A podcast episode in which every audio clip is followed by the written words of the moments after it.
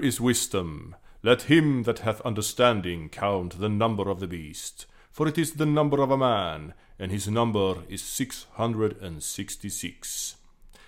Ja, det var det. Alltså välkomna till Moviebox då. Eh, som ni hörde i början här nu så kommer vi prata lite om eh, djävulen kan man säga i detta avsnittet. Ja, djävulen, eller i alla fall djävulens avkomma. Just det. Vi ska alltså prata om Omen-serien, eller Omen-franchisen. En eh, ganska, ganska känd filmserie. Kanske inte en av de mest folkkära skräckfilmserierna. Som serie betraktat alltså. Nej, det skulle jag inte säga att det är. Men eh, ändå eh, har den varit med ett tag. Men det känns ju annars som att det är en film som ständigt är eh, rätt så aktuell ändå tycker jag.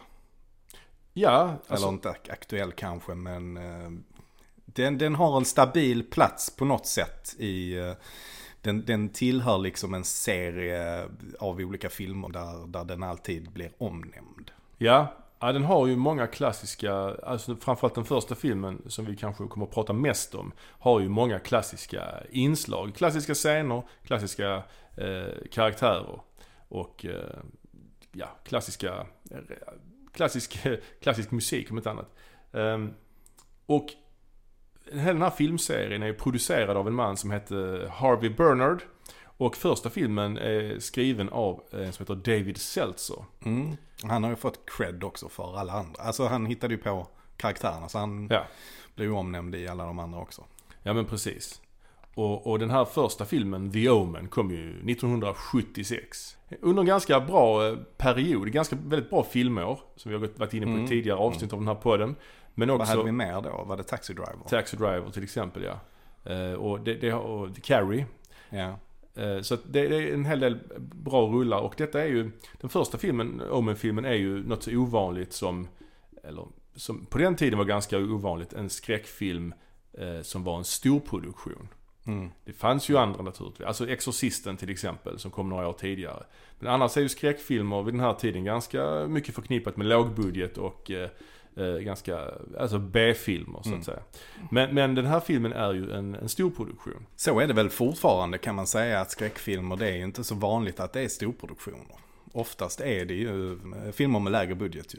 Om de går bra så går de, eh, tjänar de in väldigt mycket pengar för de är ofta billiga, billiga att spela in. Precis, och det finns ju i skräckfilmsgenren så finns det ju exempel på det där filmer liksom har gjorts för nästan inga pengar. Paranormal Activity till exempel Mm, och Blair mm. Witch Project som har blivit eh, jättestora succéer trots Ja. att de har haft en extremt liten budget. Och eh, den här första filmen, The Omen då, från 1976, den är ju regisserad av eh, Richard Donner. Som Mm. på den här tiden var väl mest en eh, tv-regissör kan man säga. Mm. Han ja, hade- detta är han- hans första filmprojekt som han regisserar. Ja.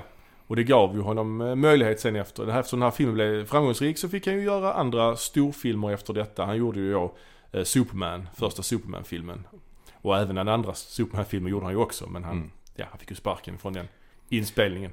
Och det, det som är intressant när vi är inne på Richard Donner är ju att när vi pratar om skräckfilm så såg han ju aldrig detta som en skräckfilm. Han var ju jättenoga med detta under produktionen att det här är inte en skräckfilm vi gör utan det här är en thriller. Eh, och det har väl att göra med hans, eh, vad han tänkte om sin karriär. Liksom att om, om han var förknippad med skräckfilmsprojekt så skulle det kanske inte vara så bra för hans framtida karriär. Tänkte Nej. han då. Så att han, när de sålde in filmen i ett eh, tidigt stadium i produktionen, alltså innan de fick med skådespelare och ja, allt sånt, så beskrevs den som en thriller. Ja. Ja, det kan ju vara eh, problematiskt att hamna i ett fack. Inte Mm. bara som skådis men också som regissör. Att hamna i, och det är han som gör skräckfilmer bara till exempel. Ehm, och... Det eh, har vi ju många exempel på. Alltså att eh, ofta blir ju regissörer förknippade med en genre. ja. Skräckfilm är ju ett bra exempel på det. Wes Craven till exempel. Ja. Och, ja. Wes Craven försökte ju, han hade, gjorde ju ett par försök att komma ur facket. Craven. Mm. Han Gjorde han det? ja, han gjorde, eller, ja, han gjorde ju den här filmen, det finns ju heter Music of the Heart. Med eh, Meryl Streep, där hon spelar någon slags eh, fiollärarinna. Ja, så. Så det är ganska långt ifrån Nightmare on Elm Street och Last House on the Left. ja, det får man, det får man säga. Och John Carpenter som också är en sån här skräcklegend. Han gjorde ju den här Memoirs of an Invisible Man med Chevy Chase. Ja, Som egentligen blev början på slutet för honom kan man ju säga. ja. Men Så- Carpenter har ju alltid rört sig inom lite fler olika genrer. Alltså science Ja. fiction och Ja. actionfilm. Jo det är sant. Det är sant. Big Trouble in Little China till exempel. Ja, eller- ja. ja. Ja men det är sant, det är sant. Ehm, men eh, det var ju också då eh, när det gällde just den här filmen, hur man sålde in den som en thriller. Det var ju det, det som fick Gregory Peck att tacka ja till den här filmen. Att den var lite psykologisk, att den inte var, eh, alltså inte var för mycket gore och så. Mm. Eh, Det var ju många andra som tackade nej till den här första filmen. Bland annat eh, William Holden till Mm. exempel och Charlton Heston tackade också nej till, Mm. till rollen. Han tyckte, eh, han ville väl inte göra en film om djävulen eller något i den stilen tror Mm, jag. ja, så kan det säkert vara. Men sen var det ju också så att eh, Gregory Peck eh, som spelar huvudrollen, hans son gick ju bort eh, ganska, eh, bara en, tid, en kort tid innan den här filmen skulle börja spelas in. Eh, och det var lite därför han tackade ja till rollen också som någon slags terapi tror jag. Ja, eh, både det och att han behövde en, eh, en huvudroll där han kunde komma tillbaka. För han hade väl inte gjort någonting på rätt länge där tror jag. Ja. Eh, han, detta, detta var ju en slags comeback för honom. Eh, så att eh, jag tror inte han hade varit aktiv på, på rätt många år. Nej precis, och detta är ju en roll som, eh, där man, man verkligen, som är rätt så sorgefylld också. Så det kan ju Mm. vara lite terapi för honom i, i med det. Ehm, filmen är också, ska vi säga, fotad av en som heter Gilbert Taylor. Som även har gjort Star Wars. Jaha. Och han har även gjort Doctor Strangelove till exempel. Och Mm. fotat eh, Hard Day's Night till exempel. Beatles. Beat Beatles-filmen. Ah, okej. Repulsion av Polanski. Mm. Så att eh, han, är, han har varit med, han har varit med ett tag. Gjort grejer. Och gjorde som sagt Star Wars efteråt. Även eh, Flash Gordon faktiskt. Ja, ja. Ja. Ja. Men eh, Gregory Peck i alla fall, att han, att han är med i filmen, det, det betyder ju väldigt mycket kan man säga. Det, Ja. det ger ju en, en tyngd och en seriositet. Ja, verkligen. verkligen. Han var ju, Gravitas, som man kan säga. vad sa du? Gravitas. Aha. Ja, ja, ja. Ja, han är ju en, en stor Hollywood-legend. Spelade i, eh, vad heter den? To Kill a Mockingbird till exempel. Mm. Moby Dick Mm. bland annat. Oscar för To Kill a Mockingbird tror jag. Ja, Så ja. att han, han är ju verkligen en, i USA, en, en, var ju då en stor skådespelare liksom. Mm. Och, och en väldigt så här trovärdig skådespelare kan man kanske säga också. Mm, mm. Ehm, som ju inte alls gjorde sådana här filmer a- Nej, nej. annars. Utan han, ehm, nej men han, han är ju verkligen eliten i Hollywood. Ja, ja men Ehm, precis. Och det är väl lite grann samma sak med eh, att Max von Sydow är med i Exorcisten egentligen. Ja, det lite så. bidrar ju också, det ger ju en he- helt annan tyngd till filmen. Mm. Att man har en uh, Bergman-skådespelare. Och, ja. Det är ju också den kvinnliga huvudrollen spelas av Lee Remick. och också eh, Hollywood-elit får man väl säga. Ja. Lite yngre än, än Peck dock. Inte samma, eh, Nej. inte lika lång karriär så. Nej, nej. Eh, hon är ju, alltså hon är lite, jag är inte så himla bekant med henne faktiskt. Eh, jag kan liksom inte pinpointa någonting annat hon har varit med i. Men ändå så är hon ett väldigt välkänt namn. Det det är lite fin- märkligt tycker Ja, det finns ju en låt som heter Lee Remick som, jag. Ja, ja det gör det ju. eh, som gjordes. Ja, Ett par låtar tror jag till och med kanske. ja det gör det. Det finns mer än en vet jag. Ja, Men det, det finns ju en känd låt som av de här The Go-Betweens. eh, ja Go Between. Ja precis. Ja. men just det. Men hon dog ganska ung också Lee Remick för mig. Ja, Hon dog ja. så tidigt 90-tal. Mm. Ehm, och, Men ändå, hon var ju väldigt stor i, i USA. Alltså hon är ju ändå ett välkänt namn inom Ja. populärkulturen. Men, ja. men jag kan liksom aldrig sätta fingret på vad är det som har gjort henne så stor. Jag antar att det, hon var större i USA på något sätt. Kanske att hon har varit med i tv-serier och så liksom, Mm. som har gjort henne lite mer välkänd. Ska vi gå närmare in på filmen då? Ja men det gör vi. Den okulta skräckfilmen kommer in i finrummet. Ja, det kan man ju säga. Ja, jo men precis.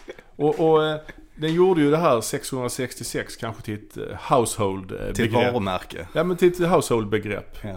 Eh, som sen togs tillvara på av Iron Maiden, eh, hårdrocksbandet, som gjorde Ja. den här plattan Number of the Beast några år senare. Där de har det här citatet som jag drog i början, fast lite annorlunda formulerat. Ja, och en massa andra band också tror jag. Ja, Alltså det finns väl en massa death metal band som håller på med det, typ. det kan man tänka sig. Man kan tänka sig det. Ja. Eh, filmens förtexter är ju ganska coola. Det börjar man ser ju en liten silhuett av en pojke och så är det motljus och så skuggan av eh, den här pojken blir ju ett upp och nervänt kors. Och så kommer upp den här ikoniska musiken av Jerry Goldsmith. Den här ondskefulla overtyren som heter då Ave Satani, var hälsad i Satan.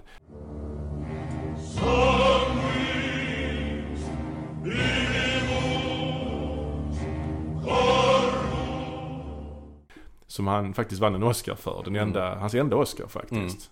Så det är ju väldigt liksom, stämningsfylld musik. Filmen eh, tjänar ju oerhört mycket på den här musiken. Det, det är ju Mm. verkligen, den sätter ju verkligen... Eh, Ja men det gör det. De, stämning. de här eh, körerna Mm. eh, och, att, och att, det, att, de, att det är latin de sjunger på. det är verkligen domedagsstämning. Som, Ja, det som, eh, det Mm. blir domedagsstämning av den här musiken. Och den här, den här filmen börjar ju verkligen direkt. Mm. Den börjar i en taxi i Rom. Mm. Och, och Gregory Peck han spelar då Robert Thorne som Mm. är ambassadör, amerikansk eh, toppolitiker. Och den börjar ju också på datumet 6 juni. Alltså 06.06 Just det. och så är det klockan 6 på morgonen. Just det. Så Just det. 06.06.06 då.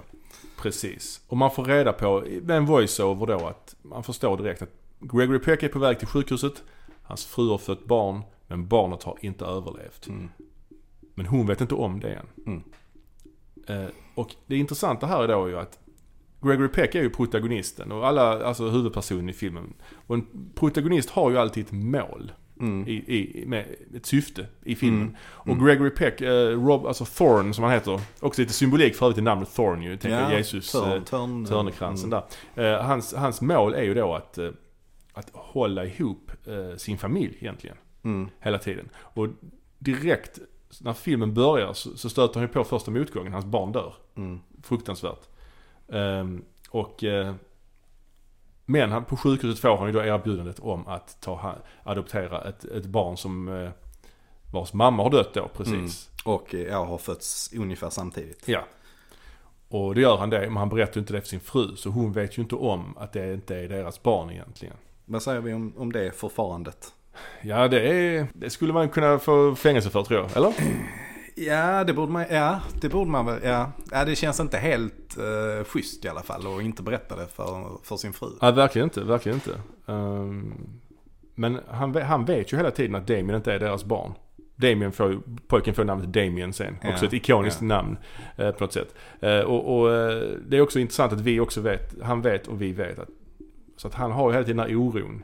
Mm. Och han är ju en människa eh, som inte kan det här med, med det ockulta. eh, Ja, nej, och han är ju ingen troende person heller. Nej, han nej. är ju en mer pragmatisk person, eh, skulle jag säga. Och, och han, de säger ju, prästerna säger, det är ju sånt där italienskt sjukhus med präster och nunnor som jobbar. Mm. De säger Gud har gett er en son ikväll. Och det är Mm. lite så förebådande ju såklart. Foreshadowing att det är ju inte Gud naturligtvis. Utan det är Nej. ju något, precis tvärtom kan man säga.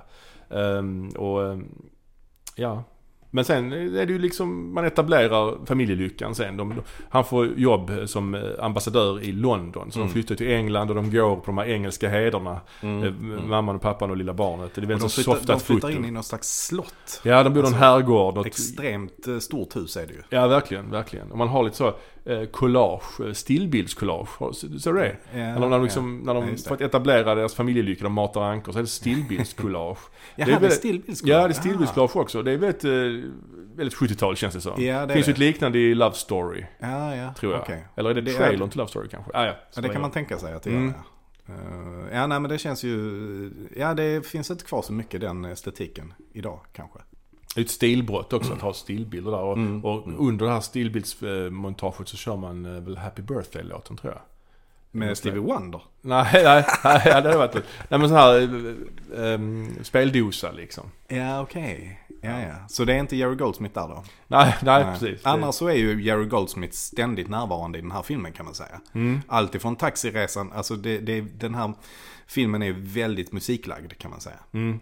Nästan så att det går över gränsen tycker jag i alla fall. Ja okej, ja Eh, kanske. Ja, de, de brassar ju på rätt rejält med de här körerna ibland. Ja det gör de. Men jag tycker det är så jävla bra alltså. Ja de är bra. Ja. Alltså vissa av de här körerna är jättebra. Men, men även i liksom andra scener, lite mer lugna scener. Så finns musik, musiken med där och markerar hur vi ska känna som publik. Liksom. Ja, och jag jo, kan tycka det. att det går, går till överdrift Ja. ett par gånger. Tillhör ju lite, det är lite genre-tillhörigheten där, skräck, att, att, det, att det är Mm. ofta, ofta så ju.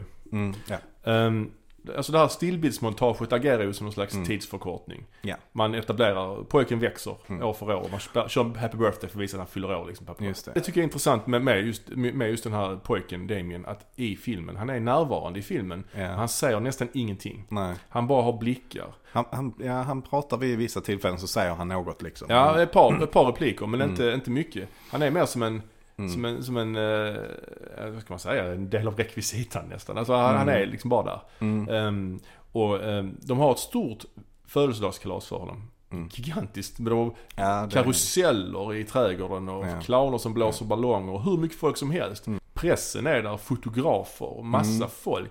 Jag vet inte, det känns lite överdrivet. Det känns inte så sannolikt att man skulle ha Alltså när ambassadörens barn fyller år, att det är en angelägenhet för media, eller? Nej, verkligen inte. Man- Ki- Kinas ambassadör kanske. Ja, möjligtvis. Man etablerar ju, man etablerar ju en, eh, han har fotografkaraktären då, av David, Mm. spelad av David Warner. Mm. Eh, som är, är där och eh, tar bilder. Mm. Men då inträffar ju som sagt eh, den, den första övernaturliga scenen. Och, och det är ju då att han, han, han Damiens eh, Nanny. nanny, hon får ögonkontakt med en, eh, En, rott, en hund som är där, en rottweiler. en rottweilerhund. Ja. ja. Och det är inzoomningar på ögonen och det är någon sån elektronisk obehaglig musik. Man zoomar mellan ögonen på hunden och på nannyn. Ja. Och sen så är det inte mer med det. Så fortsätter kalaset och sen hör man någon som skriker ju. Damien, ropar på Damien.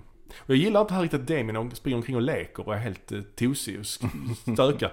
Mm. Det, jag tycker inte om det att man ser honom vara helt skrattig och så. Han ska vara mer samlad. Och inte visa, det? ja, ja, för det är han ju i övriga filmen. Det är bara Mm. typ här han, han visar eh, Ja, han är rätt känslor. tosig senare också. När han eh, sitter på en sån tre, trehjuling. Jo, men då händer det ju någonting också. Ja, det Här, är, här är det ju Ja. mer, eh, ja. Men han är tosig. Ja, han är tosig i och för sig. Jag gillar inte att han är tosig. Men, men, men ah, det är någon som ropar på honom och alla tittar och då ser man den här nannyn stå uppe på eh, Taket. taket, eller ja, taket på det här höga huset med en snara runt halsen. Mm. Och så skriker hon 'It's all for you Damien' och så hoppar hon ner och hänger sig. Mm. Och flyger rakt in i fönstret och sen så, alla barnen skriker ju. Så det lägger ju lite dålig, det blir dålig stämning på det här kalaset. Mm, det, ja, ja men blir det det. blir det ju. Det blir det verkligen. Så då är, då är grejen där att hon eh, har blivit hypnotiserad på något sätt av den här rottweilern. Ja, och man ser ju sen att Damien tittar på den här hunden och vinkar åt den. Och sen Mm. springer hunden iväg. Liksom, Mm. så så att det är ju, det är ju någon slags eh, connection där. Mm. Men jag tror inte att Damien fattar någonting av detta egentligen. Tror du det? Tror du att han är medveten om, om det vid det här läget? Ja, det, det, det är Vad det är lite, som händer? ja, det är lite otydligt ju. Det är ju tydligt, men jag, jag tror inte Damien eh, är medveten om det och att han påverkar hunden att göra någonting tror jag inte. Ja, det utan, kanske han inte gör. utan jag tror att det här är bara saker som händer i hans eh, närhet utan att han är medveten. Liksom. Ja, det är möjligt. Övernaturligt. Det blir ett jävla liv i alla fall. Eh, Mm. och, och han, ambassadören Thorn, han det är mycket media som vill prata med honom. Bland annat den här David Warner-fotografen. Han råkar Mm. Stöta till honom och förstöra hans kamera. Och, Mm. Åh, förlåt. Nej, men det är lugnt. Du är skyldig mig en tjänst, säger han. Mm. Och sen en dag så kommer det en präst till hans kontor och ska varna honom att hans son inte är, Ja, att hans son är ond och så vidare. precis. Här han, prästen- han, han är rätt manisk den här Ja, prästen. jag skulle säga att han är lite, han är lite het på gröten. Ja, är... Om man vill nu varna någon så behöver man inte framställa sig själv som totalt topptunn och galen liksom. Nej, man, alltså han har ju en jävligt dålig strategi. Ja det har han eh, faktiskt. Och ja, men han tar sig in på hans kontor där och börjar jiddra massa Mm.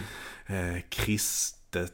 Eh, alltså han säger Ja. till exempel You must accept Christ as your savior. You must accept him now. Alltså, eh, Mm. Och det är kanske dumt att säga till någon som inte är särskilt troende. Liksom. Ja framförallt inte om man vill, vill vinna någons förtroende. Mm. Då, är det, då är det lite dumt. Eh, och han precis när han, han, blir- han blir utslängd, han slänger ut honom. Han Mm. kallar upp sina vakter. Mm. Och då antyder han att, precis innan han slänger ut honom så säger han His mother was a. Mm. Och sen så avbryts det så man får liksom aldrig höra ja, man får inte riktigt höra när Man får inte höra hela den meningen. Eh, Men sen, sen är det ju också så att eh, när han kommer hem och så kommer det en ny nanny. Ja, Som, som ingen riktigt vet hur hon har hittat dit och vem som har uh, anlitat Nej. henne. När hon säger att hon är ditsänd av The Agency. Ja, av De, liksom, The Agency hörde talas om att den förra nannyn eh, tyvärr gick bort. ja, Och då eh, skickade de dit en eh, ny direkt. precis. Hon heter, Och Mrs Baylock heter hon. ja, precis. Spelat av Billy Whitelaw. Ja. Och hon är ju riktigt obehaglig. Sp- uppspärrade, lite maniska ögon. Eh, ja. Riktigt så här. Eh, En rigid kvinna. kan man säga det? Kanske man kan göra. Hon, hon går Med in. stålgrå blick. Stålgrå. Ja. ja, men hon, hon, är, hon är lite läbbig kan man säga. Ja, hon, är, hon är obehaglig. Ja. Definitivt. Och hon går in till Damien och säger Have no fear little one, I will protect thee. ja. ja, det, det är riktigt, eh, riktigt gött. Mm. Och där etablerar man ju också tidigt en konflikt mellan nannyn och mamman. ja. ja. Ehm, mamman Precis, mamman- nannyn tar lite för, för stor plats på något Ja. sätt och tar Ja. lite... li- Hon är lite grann, det är lite, ja hon tar egna beslut som inte är helt cementerade i, eh, Nej. liksom, av uppdragsgivarna. Nej, precis. De, det är någon dag de ska åka till kyrkan. eh, Och då vill ju inte nannyn att eh, han ska följa med. Ja, det är ingenting Mm. för en liten pojke att åka till kyrkan. För hon fattar ju att han Mm. inte tål att gå in i en kyrka för han är ju djävulens son då så att säga. Mm. Eh, och ja, samt, och då, det blir ju panik när de ska till kyrkan. Han börjar skrika i bilen och han de går ju aldrig in i kyrkan. Nej. Och sen börjar han, han börjar ju misstänka mycket, alltså Thorn, pappan vet ju att det här inte är deras son. Och han börjar fundera om pojken, har han någonsin varit sjuk och Mm. så vidare. Mm, ja, precis. Nej, men vi ser det att han, Damien reagerar starkt på kyrkor och eh, kors också kanske. Eh, Ja, vid någonting. något tillfälle. Och sen är det ju Ja. djur också som han har någon slags connection med. Ja, precis. Mm. För de drar ju till en sån här safaripark, mamman Ja, och Damien. Och då blir alla djuren rädda ju. Ja. Och Ja. aporna börjar anfalla deras bil och sånt. Där är babianer som eh, börjar attackera bilen. Det kanske inte är min favoritscen i filmen. Nej, nej det är det inte. Det håller jag med om. Det blir lite pajigt. Ja. Man kan väl säga att det har eh, ganska långsamt tempo. Till och med det här kan man säga. Och, Mm. och så. Ja, förutom den här hängningssekvensen så är det ju ganska... Ja, det är ju Mm. egentligen det som händer och sen så kanske eh, spänningen höjs lite grann när, när den här prästen då lyckas ta sig in eh, till Gregory Pecks kontor. Men i övrigt så är det ju, det rullar på i ganska sakta mak kan man säga. Ja, men hon börjar ju distansera sig från barnet, mamman. Hon börjar må sämre Ja. och sämre och börjar tycka att det känns inte som att han är mitt barn och så vidare. Och, och Nannyn tar också själv lite egna beslut. Mm. Man kan säga att det är lite så tjänstemannastyre där.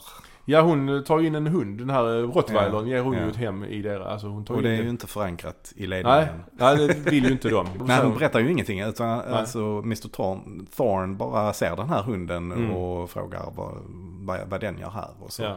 Ja. Och sen är det någon eh, dag han kommer ut från sitt jobb och den här prästen kommer igen och bara säger att- till honom att din fru är i fara, träffa mig på den och den adressen i, i, den, här, Mm. i den här parken. Mm. Och då har den här eh, fotografen också tagit några bilder på prästen, Mm. David Warner.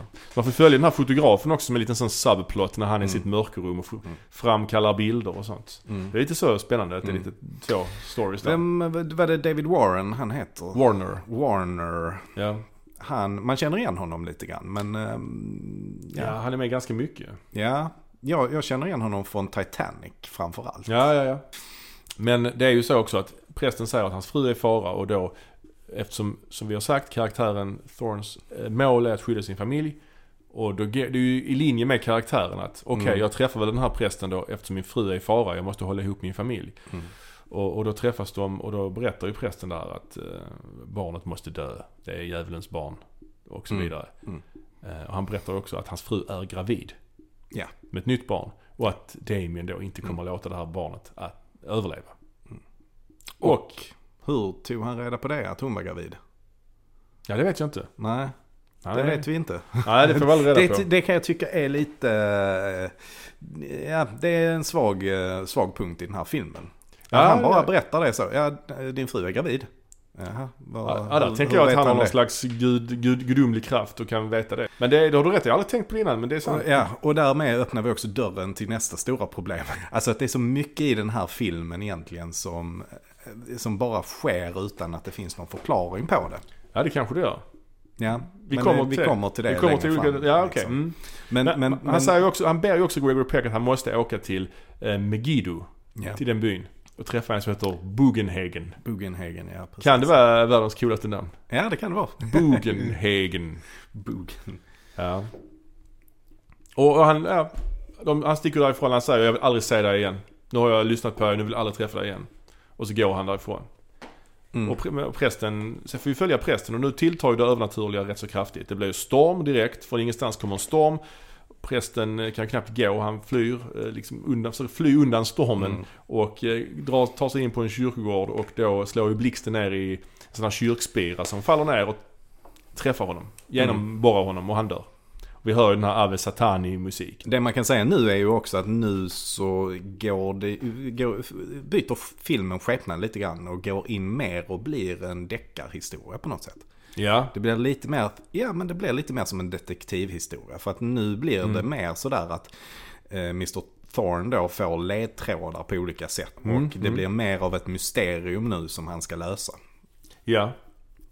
Och eh, ehm, hon distanserar sig mer från Damien. Hon mm. pallar inte med honom.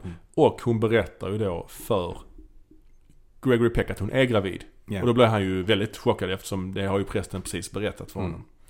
Men hon säger också att hon inte vill behålla barnet. Hon vill Ja, göra abort. Mm. Och det är ju emot Gregory Pecks karaktärs drivkraft. Han vill ju ha en familj. Mm. Så han är ju naturligtvis mot aborten. Och han vill inte låta detta ske. Och han vill då kämpa för att den här graviditeten inte ska avbrytas. Det blir liksom hans drivkraft. Mm. Han står ju på något sätt för det konservativa också, eh, Gregory Peck, i, i filmen. Ja, jo kan Alltså man det säga. är ju en ganska eh, konservativ film på det sättet. Alltså Mm. konservativa värderingar. Lite Ja. Alltså, om man nu tar upp det här med, med liksom abortproblematiken Mm, problematiken till, nästa, till nästa nivå. Liksom. Ja, det är Så- sant. Det är sant. Gregory Pecks karaktär, eh, Thorne, han byter inte blöjor. Kan man tänka sig. ja, ja, precis. Det gör Mrs Blaylock istället. Mm. Nej men för att filmen behandlar ju de här, de här temana. Religion Mm. och sen så fotografen då står Mm. ju någonstans för vetenskapen kanske. Just det. Ja. Och eh, Thorne då för det, det kon, de konservativa värdena. ja, det är sant. Ja, och han eh, Jennings som han heter, fotografen, blir någon slags sidekick. Så man, han har liksom en egen subplot när han står i sitt mörkrum och framkallar bilder. Vi vet inte riktigt vad det är han ser på bilderna, men det kommer vi få reda på sen.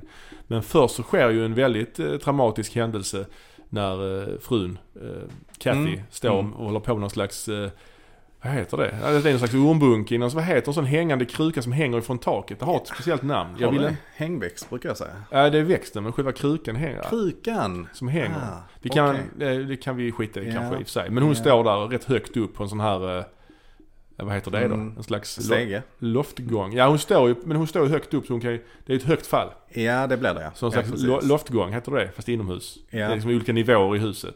Ja. Eh, och ehm, Damien är ju i sitt rum och kör cirklar med sin uh, trehjuling. Och här är han, han ju tosig. Ja, tosar, han tosar loss. Han kör cirklar i sitt rum. Ja. Runt hon, uh, Mrs Blaylock. Hon bara står där och tittar. ja men hon, hon manar på honom ju. Ja, hon, hon, eh, hon hetsar honom. Ja, hon heter honom. Ja. Och sen öppnar hon ju dörren till rummet. Från, så han kan cykla ut ur rummet. Ja. Och så cyklar han ju. Och cyklar på mammans pall. Så hon faller över det här räcket och hänger där ett tag. Och sen tappar hon taget och faller. Och där är en guldfiskskål som faller samtidigt för att... Mm. Och sen eh, eh, krossas den. Eh, och eh, man hör liksom, det blir helt tyst efter hon har ramlat, eh, ramlat ner till golvet. Och man, man hör bara den här krukan som vajar omkring. Det är det enda ljud som är kvar. Det kallas väl för ett sådär tändsticksljud tror jag. Mhm. Att man har ett ljud i tystnaden för att markera hur tyst det är. Just det. Så har man ett litet ljud. Visst man har använder sig av en tändsticksask för att visa hur stort någonting är eller hur litet någonting är. En klocka till exempel som tickar. Ja, Tick, tick, tick. Det gör ju också att det känns väldigt... ja precis. Eller, eller i exempel, mest kända, eller mest kända, ett känt exempel är ju Kurosawa, den här Sju samurajerna. Ja, Det är någon sån, man hör en sån fågel, det här rövarbandet som drar igenom byn och bara förstör och plundrar. Sen när de har dragit vidare så hör man bara en liten fågel som kvittrar. För att Mm. poängtera att det är så Ja, tyst. det. Klassiskt exempel. Ja, Det hade jag glömt bort helt. men hon förlorar ju barnet då. Hon hamnar på sjukhus och förlorar barnet Mm. ju. Och det går ju, kan jag tycka kanske lite snabbt. Mm. Alltså det är verkligen scenen efter. Men jag kan ändå tycka att den scenen eh, när Damien kör på henne med, med den här trehjulingen är ju en väldigt bra, bra regisserad Ja. eh, sekvens. Ja, oh ja, väldigt, hela, bra hela den sekvensen är, ja, är, är, ju, är ju jättebra, Mm. eh, tycker jag. Just att impacten, trehjulingen på den här pallen, sen faller hon. Sen hänger hon ju lite Mm. och har, får ögonkontakt med Damien också. Mm. Och sen bara faller hon. Ja, det är väldigt snyggt. Ja, det är väldigt snyggt. Ja, och, och även det som leder upp till det när Mrs Baylock Mm. hetsar Damien. Mm. eh, Och då är ju också den här kraftfulla musiken ju. Jerry Ja. Goldsmith-musiken. Så det är ju, det är ju en väldigt snygg scen i, i sin, Ja. i, ja, på, på, sin, på sin egen eh, del. Liksom. Ja, och sen är det ju när de är på sjukhuset så säger ju uh, Kathy till sin man, låt honom inte döda mig. Säger Mm. hon ju. Mm. Om Damien. Mm. Och det bekräftar ju lite grann för honom då att prästen har rätt på något sätt. Att, Mm. ja, han börjar ju bli mer och mer mis- misstänksam. Mm. Och sen när hon, han går ju hem, han är ju väldigt trasig nu, alltså Thorn här. Ja. Och han ska gå in till sin son och då ligger den här rottweilern i sängen ju och Mm. liksom morrar så han vågar knappt gå in där. Mm. Eh, så det, det är ju väldigt uh, obehagligt. Sen, Hade han sagt till redan då att uh, Mrs. Spaylock skulle göra sig av med hunden eller? Eller säger han det sen efteråt? ja, han, han, säger, han har sagt till henne en gång. Han har redan sagt Ja, till henne ja, en gång ja. och då visar hon ju att hon inte är Ja. subordinate. Precis, precis. Ehm, men sen, sen är det ju då att den här fo- fotografen Jennings kontaktar honom. Och bjuder Mm. hem honom. Mm. Och här möts då subplotten med huvudplotten. Mm. Och då visar han ju de här fotona han framkallat. Han Just visar det. ju fotot på, han har tagit foto på den här nannyn som hängde sig och man ser att det är någon slags liten svart linje runt hennes hals. Som om Mm. det redan är en snara runt hennes hals innan hon ens har hängt sig. Ja. Och hon, han har också tagit foton på den här galne prästen och där är ett, liksom som ett spett, ett streck genom hans kropp som blir mer och mer markant för varje fi- foto han har tagit på honom. Så att ju längre, ju närmare man kommer den här händelsen i tid, desto mer tydligt blir det här på, på fotot. Ja, Eh, Så att då, då visar han ju på något sätt eh, en vetenskaplig förklaring här på vad det är som händer. vetenskaplig. Eller vad man nu ska säga. Alltså, det är inte Ja. bara reli- religiöst babbel ju från fotografens sida. Utan Nej, han nej. visar ju Mm. ordentliga bevis på Ja. att eh, det här kommer att hända. Frågan är varför. Också Mm. återigen här, varför han kan... Ja, frågan är ju varför det syns på de här fotografierna. Ja. Det är ju väldigt märkligt. Ja, verkligen. Det är det ju faktiskt. Eh, Men, men det kan ju vara... eh, Ja, alltså saker kan ju, kan ju synas eh, på foton som man inte ser med vanliga ögat. Sen har han ju också foton, och detta är intressant, han har ju också foton på den här döda prästens kropp. Frå, från bårhuset. Ja, just det. Hur har, Just nu, det. hur har han nu fått tag på dem liksom?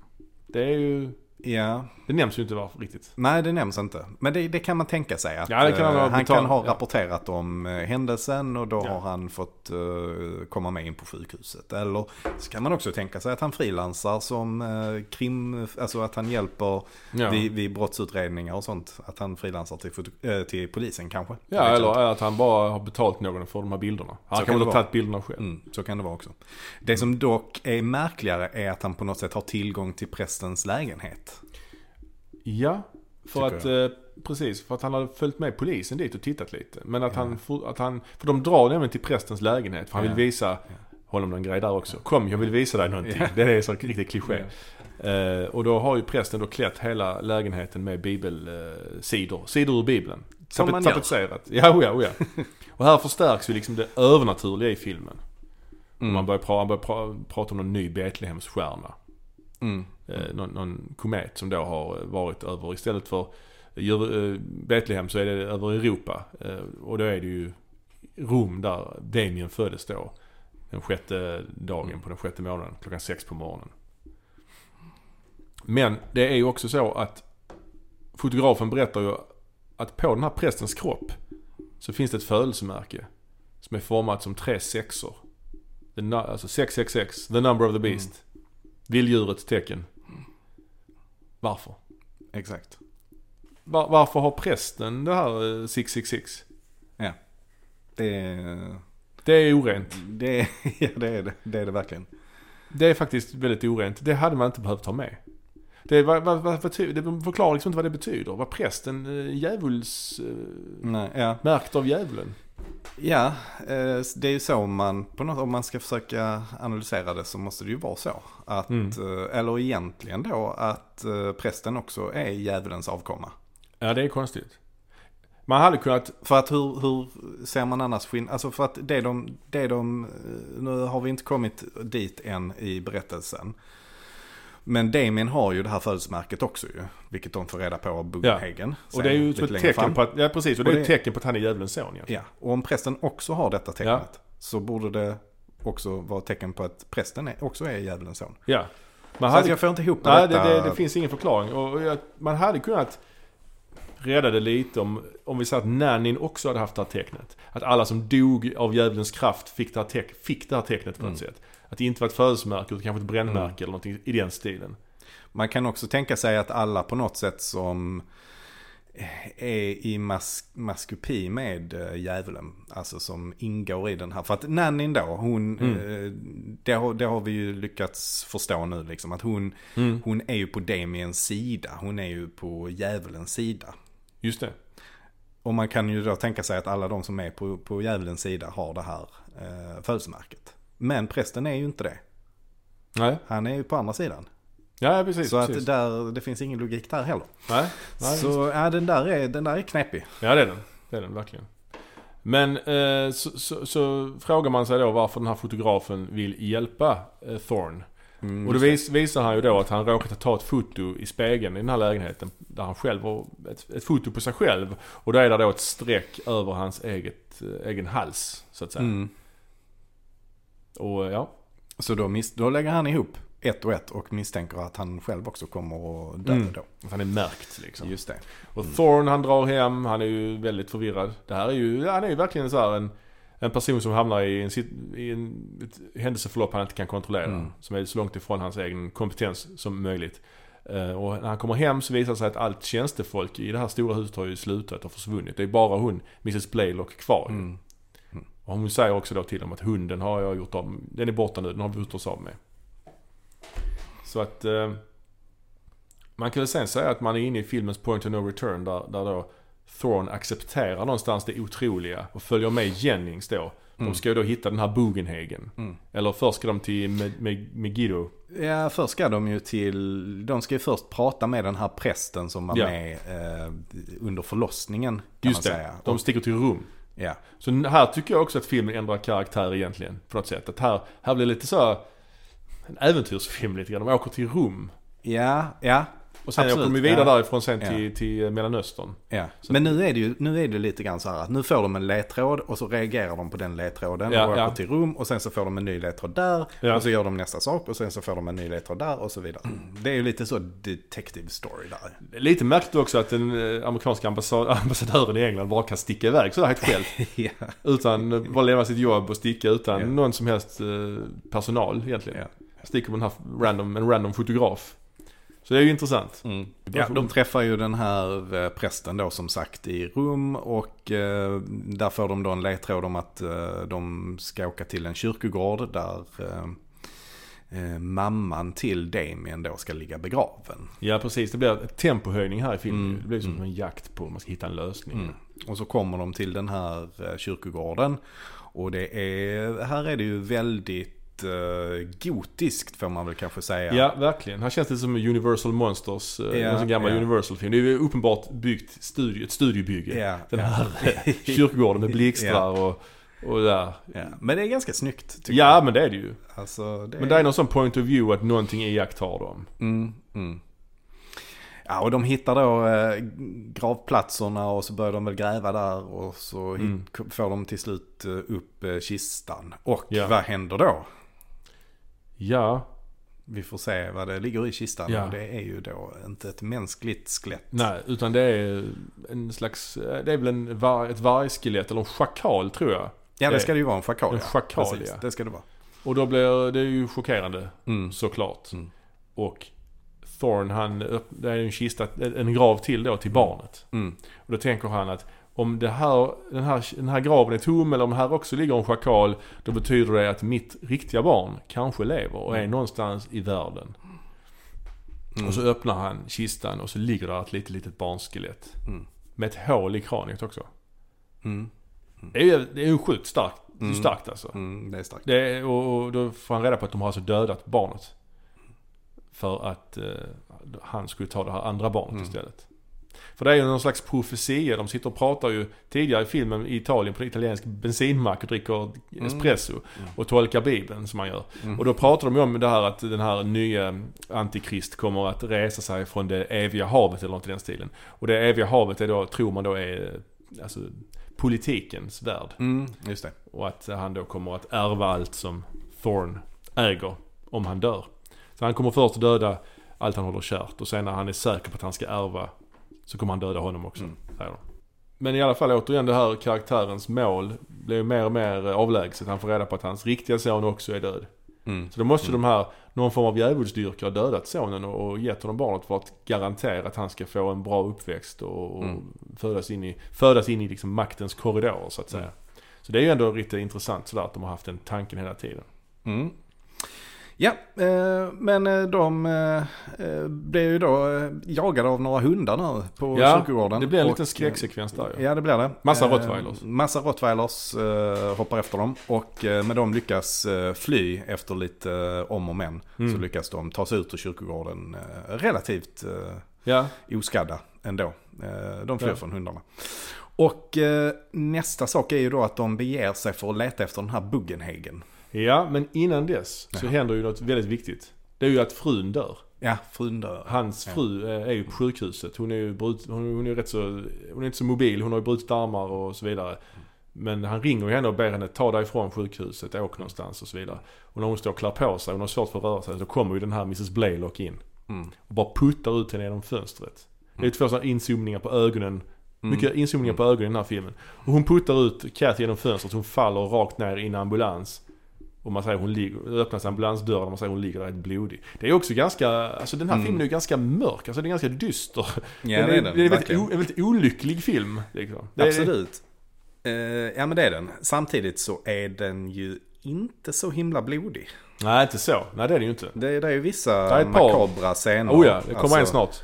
Precis. Eh, Men, men om vi tar när det första mordet så att säga, eller det första dödsfallet, Mm. så är det ju oblodigt. Eh, Alltså vi får inte Ja. se så mycket explicita scener. Det, det, det kommer en del, men, men eh, ja, det, det kunde varit mycket blodigare. Ja. Helt enkelt. Och eh, han, han får ju reda på att frun har dött. Det ringer ju till hotellet. Mm. Är ju, han är ju, spelar ju väldigt bra här. Man tänker, man, också man har bakgrunden där på Gregory Pecks privatliv där, hur han mådde vid den här tiden. Mm. Och man får då reda på att, han har reda på att frun dött och vi, vi, vi förstår väl här att den här filmen kommer inte sluta lyckligt. På något sätt. Mm. Känner man nästan här. Mm. Och så minns han ju då det här bibelcitatet. Eh, som den här prästen har sagt till honom. Ja just det, och så upprepar han det. Där. Han upprepar det då i sin i mörkaste stund. Ja. Ja. Men de drar till, till Jerusalem och träffar då Bugenhagen. Bugenhagen. Mm. Och han, hans yrkesroll är lite otydlig. Någon nämner honom, han benämns i någon film som en, att han är någon slags exorcist. Jaså? Men också som eh, arkeolog och Historiker. historiker. Är han inte en eh, bibelkännare typ? Han har eh, många strängar på sin lyra, Ja, den här Mr han. Bugenhagen. Ja. Nej, framförallt, framförallt kan man väl i alla fall konstatera att Bugenhagen ligger väldigt bra i munnen. ja, det gör det. Mr Bugenhagen. Man gillar att säga Bugenhagen. Ja. Men han är en slags lärarkaraktär. Någon slags light-version av en lärarkaraktär. För han är ju typ bara med en scen. Ja, du menar lärarkaraktär i, i vilken bemärkelse? Alltså? Ja, alltså i den karaktärstyps bemärkelse. Som en slags Ja. läromästarkaraktär. Mm, mm. han, han berättar ju då för Thorn om att de här sju knivarna. The Daggers of Megiddo. Ja, just det. M- Megiddo. Megiddo, ja. Ja. Och, Och de eh, har han ju där i sitt förvar. Han har hittat dem där Ja. i Jerusalem. det är sju knivar som han då ska, han måste sticka dem i, i barnet. Mm. I form av ett, ja, för att barnet Ja. för att driva ut djävulen, alltså för att, för att döda djävulen helt enkelt. Och den första dolken den eh, berövar livskraften från, eh, alltså den Ja. eh, organiska livskraften eller Just det. någonting sånt. Så Just att det. den, den mänskliga formen av djävulen dör då. Liksom. Ja. Och de andra är för att ta död, död på det andliga väsendet. Mm, precis. Och eh, ja, han tar knivarna och drar därifrån. Men sen helt plötsligt får han ju second thoughts när de är där i stan i, i, eh, Mm. i Jerusalem där. Och då blir Mm. han, nej jag vill inte göra detta. Och så tar han i det här byltet på knivarna och bara huttar iväg det. Mm. Och fotografen säger om inte du gör det så kommer jag göra det. Mm. Och så springer han iväg och ska ta upp knivbyltet. Och då är det en lastbil vars eh, handbroms lossnar. Ja, precis. Och den var backa bakåt. Och sen så stannar den till och på flaket på lastbilen ligger det några glasrutor. Där Mm. flyger en av och bara hugger av huvudet på, eh, på fotografen Mm. Jennings. Och det är ju väldigt, eh, det är ju en väldigt oväntad scen. Och det är ja, ju, det är det. Den kommer från ingenstans. Ja, det gör den. ja, och det är ju, det är ju väldigt makabert. Ja, själva, själva effekten där i sig, som, som jag sa innan, det, är inte, det kunde varit mycket blodigare egentligen. Ja, ja, ja. ja. Men vi ser ju då eh, ett, ett huvud då som Mm. verkligen åker upp i luften och snurrar runt ganska mycket. Ja, Eh. verkligen. Flera gånger, man får se det flera gånger. De berättar ju det också om, om den här scenen de spelar in den. Att de, man brukar räkna, när publiken håller för ögonen så brukar de räkna till tre eller vad det är. Innan Mm. de tittar igen. Mm. Och då lurar de publiken genom att visa det här huvudet huggas av flera gånger. För att man Mm. skulle se det. Mm. Så ingen skulle Mm. missa det. Ja, de filmade från många olika vinklar. De Ja, verkligen. filmade Det är ett från- money shot, liksom. Ja, filmade från sidan Mm. och de filmade från inne i den här eh, lokalen som är bakom Ja. fotografen. Ja. Så det är det, man drar ut på det, verkligen. Och Thorn han blir ju totalt chockad ju. Men sen får man Mm. se att han sitter på ett flygplan, ett privatflygplan. Mm. eh, Med de här knivarna i, eh, Ja. i famnen. Detta är ju... Flygsäkerheten var ju inte vad, vad, den är, vad, den var, vad den är idag. Men detta är ju sig hans privatplan, så det är, det är okej kanske. Men det här är liksom en symbolisk scen för att han sitter där ensam på planet. Han är ensam kvar. Han har liksom inget att förlora. Mm. Han är ju så långt ifrån sitt mål som möjligt nu. Mm. Han är nästan... Han har väl ingen familj snart att... Nej. att Nej. och eh, jag tror kameran också går runt, man ser över axeln på honom. Mitt emot så är det en tom stol. Mm. Där typ hans fru skulle suttit så att säga. Mm. Så nu är han liksom helt ensam. Eh, och eh, Bugenhagen har ju berättat för honom att det här eh, 666 ska ju finnas på Damiens kropp, men han har aldrig sett det. Mm. Så då säger han det måste finnas under håret då. Så, eh, Så han beger sig eh, hem och Mm. eh, undersöker då Damien och försöker leta efter det här födelsemärket. han stänger in hunden också. Han lurar ju den där Mm. rottweiler ner i källaren, låser. Mm. Och sen... Han eh, låser, låser in eh, The Beast i källaren. Ja, precis. Och sen så går han in i Damiens rum och börjar då klippa i håret på honom. Mm. Och då klipper han och till slut ser han då det här. De här tre sexorna i hår- hårbotten. Och då kommer Mr. Mrs. Baylock och attackerar honom och det blir Mm. fight där ju. Mm. Och han, Men han klarar av henne. han klarar av henne. Och han tar då med sig Damien. eh, Damien börjar ju skrika och göra lite motstånd Ja. och så. Men han tar med sig Damien och slänger in Damien i bilen. Och han kör ju väldigt fort och då polisen Mm. börjar följa efter honom. För han är fort, han kör, fortkörning ju. Så polisen Mm. är de hack i häl. Ja, Lite överdrivet stort polispådrag kan Verkligen. jag tycka för en fortkörning. Mycket, mycket så. För det är ett antal olika polisbilar Ja. och det är både civilpoliser och allt möjligt. Och, och sen tar stannar vi i en kyrka och tar in Damien i kyrkan. Och Damien skriker, Mm. han tål inte vara i en kyrka. Mm. Och lägger honom på altaret och ska då hugga ihjäl honom med de här knivarna. Och då pratar han ju för typ en av de få repliker han säger i filmen. Säger han ju 'Please daddy no' Mm. Och då börjar han ju tveka. Och men sen så ska han ju ändå hugga dem. Och då säger han 'God help me' Mm. Och då kommer ju polisen in i kyrkan. Och precis när han ska hugga så, så ser man ju en närbild på en pistol och så är det en Framifrån tror jag. en sån här höghastighetskamera. Ja, Så, Ja. som man ser, skjuter, man kan se kulan komma ut så här i super slow motion. ja. Och sen klipp. Och så är vi på en begravning. Makarna Thorns begravning helt enkelt. Sån här militärbegravning med, med salut och allting. Någon kommer fram till en man och säger eh, Är bil redo Mr President? Just det.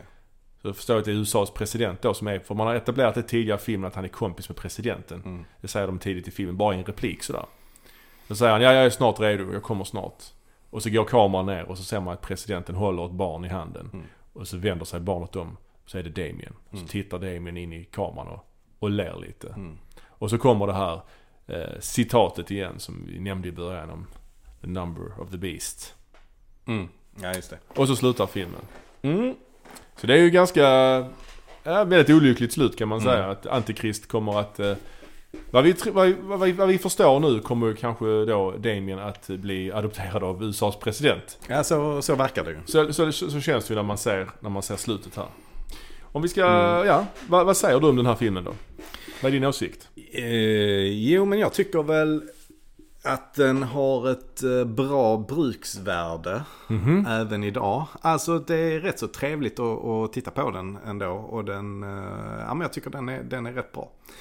Och även ur ett konstnär, konstnärligt perspektiv så tycker jag att den, den är bra. Den är ju väldigt välgjord. Alltså Mm. det känns som en stabil film. Eh, många bra skådespelare. Baylock, eh, Warner.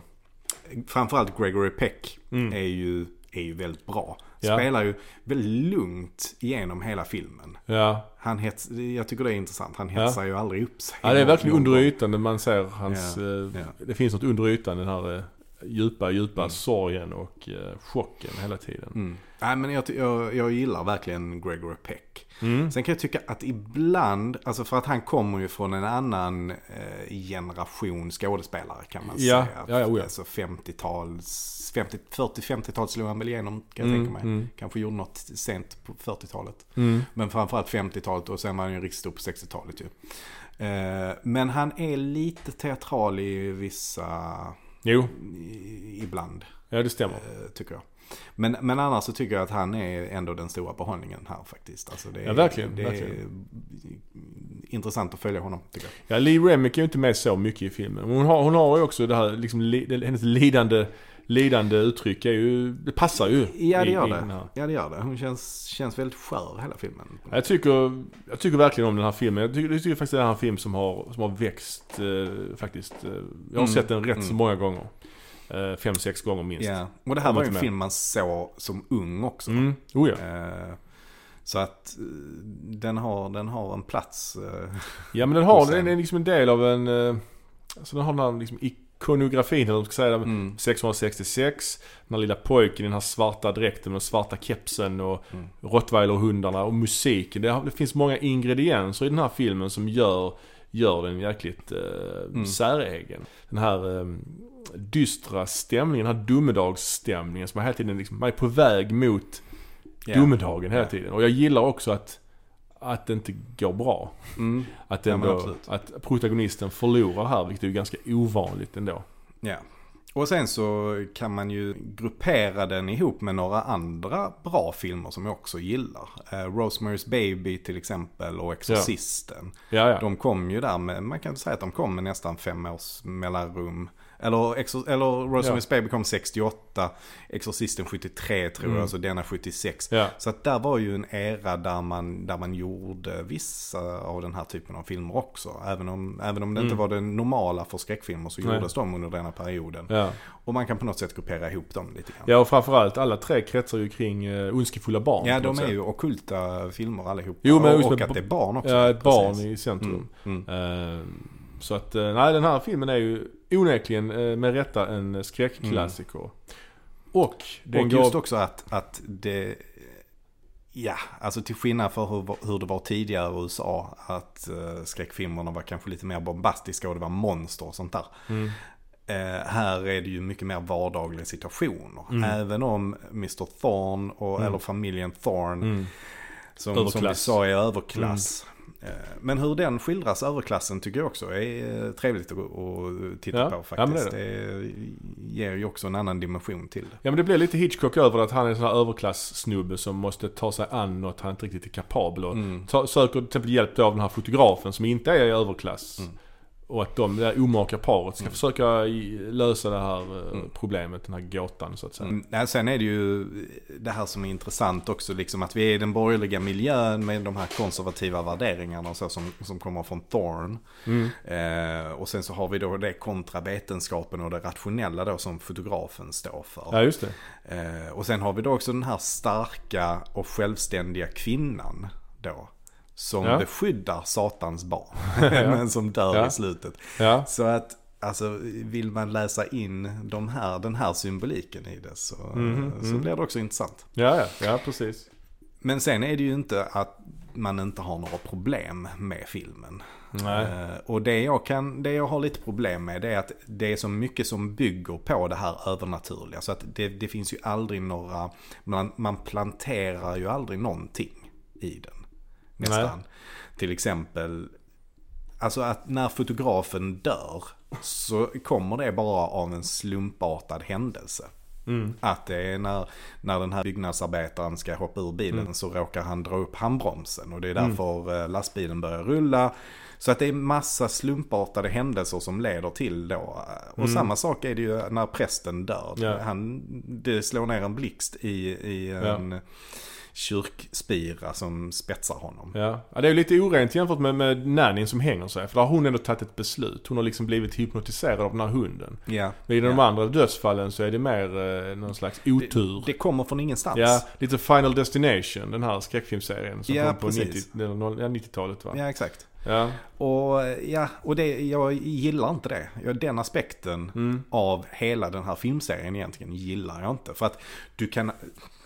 Det gör ju att man egentligen, det blir ju egentligen aldrig spännande. För att oavsett vad, vad de försöker göra så kan det alltid bara hända något oväntat som gör Mm. att eh, någon dör. Liksom. ja, det är sant. Däremot så kan man ju säga att de här scenerna är ofta väldigt välgjorda. Ja det är de ju. Eh, både hängningen och den här halshuggningen och även den här eh, när hon ramlar ner och han kör på henne med, med, med här trehjulingen.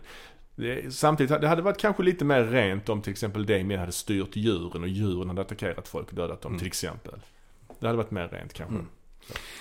Det här, det här också med att fotografen eh, hittar de här markeringarna på bilderna känns också lite tveksamt. Mm. Det känns inte riktigt som att det håller som bevisföring idag. Alltså Nej, nej, nej. nej. riktigt. Eh, Nej, jag har aldrig tänkt, jag har aldrig sett det som ett problem. Men när, när, när du säger det så är det ju väldigt, eh, kommer från ingenstans såklart. Mm. Eh, och det får liksom ingen förklaring varför just det dyker upp på bilderna så att säga. Mm. Den här filmen blev ju, är ju med all rätt en klassiker trots sina brister så har den många förtjänster. Och då gav den, den gav ju därmed upp, upphov till eh, en massa uppföljare. Som vi ska prata om nu. Ja, då har vi kommit fram till nästa film i serien och det är då filmen som heter Damien-Omen 2 1978. Är det verkligen streck, Carsten? Är det inte det? Kolon. Damien kolon Omen 2. Ja, kanske ett kolon. Ja. Ja. Men det är märkligt i alla fall att, eh, eller det är kanske inte så märkligt, att den heter Damien Omen 2. Inte Omen 2, Damien. Det är lite märkligt, tycker jag. Ja, Jag håller med dig. även om Damien hade varit en ganska otill, Damien- otillräcklig undertitel så att säga. Han är ju Ja. med i ettan också. Den här filmen är ju eh, ja, en uppföljare. Ja, det är bara två år senare så det är inte så himla långt efter. Är det bara Ja, på riktigt ja. ja. 78. Ja, den kom två år senare. Ja, precis. men den utspelar sig sju år senare. Ja, just det. Så det Eh. blir lite knepigt där att hänga med i Ja, vändningarna. Men, men, eh, men ändå, två, två år efter första filmen eh, Ja. kom, kommer denna. och den är ju en liksom... Det är ju en cash-in på, på liksom, ettan blev en succé, så då gör man en tvåa. Ja. ja. Ettan slutar ju med en cliffhanger på något sätt, men den slutar ju olyckligt som sagt. Att presidenten tar hand om Damien. Där hade det kunnat vara rätt så bra tycker jag, egentligen. Det hade kunnat räcka där. Absolut, det, Eh. det hade funkat. Men det, det är väl då producenten, vad hette han sa du? Bernard. Bernard, Harvey Bernard. Harvey Bernard. Eh, Mm. Det är väl han som driver på den här Ja. franchisen. Ja det är det ju. De har ju kvar Goldsmiths eh, ikoniska musik men man brassar ju på med den lite väl mycket här tycker jag. Mm. Redan i förtexterna helt, eh, liksom inte alls lika subtilt utan helt utan finess bara. Bara kör på med den. Inte Men all- han har gjort ny musik till denna också. Väl? Ja det har han, men även det här Ave Satani, det, det Mm. förekommer ju.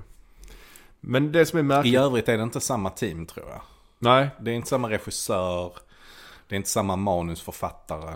Nej men fotografen däremot, eh, han eh, Taylor, han har fotat just de sekvenserna som är i Israel. Inte, inte resten av eh, filmen. Okej.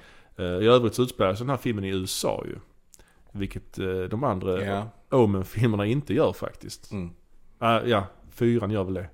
Men den räknar vi ju inte, Mm. Precis. Men, men den, det intressanta, eller märkliga är ju då att den här filmen, den tar ju inte alls vid där ettan slutar. Nej, det har ju gått sju år. Så att eh, Ja. det har ju hänt en massa saker däremellan. Men jag förstår, det slutar med presidenten men det, det är helt borta. Det nämns, Ja. Presidenten nämns ju inte. Nej, nej, det stämmer. Man bara ignorerar ettan. Mm.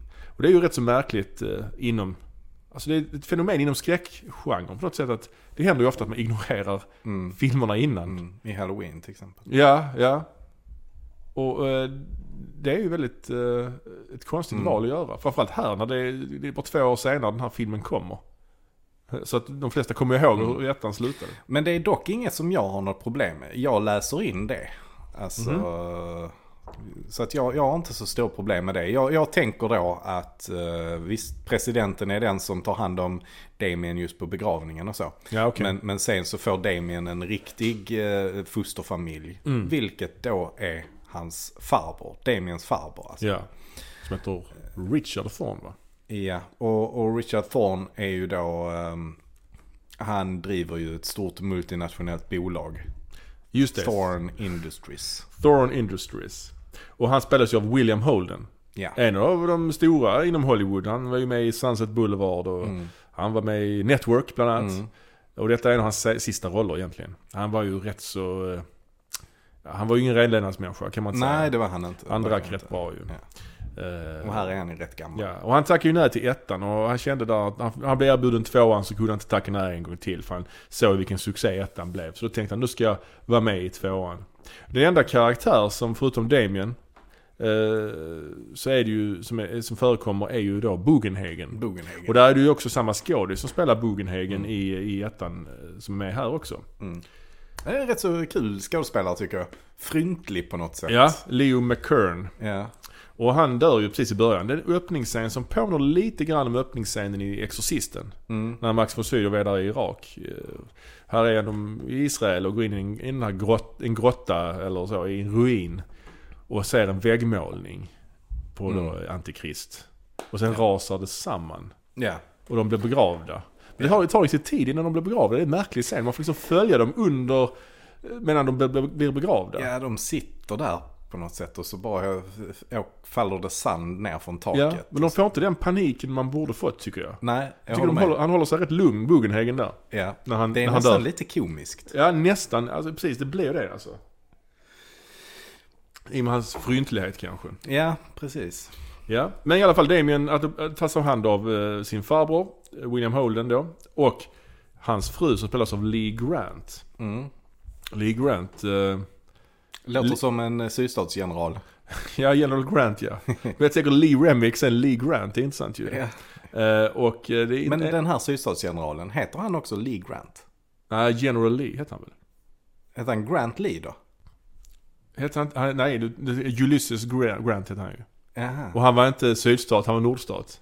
Jaha. Det var ju blev sen president i USA. Ah, vad hette sydstaternas general då? Lee.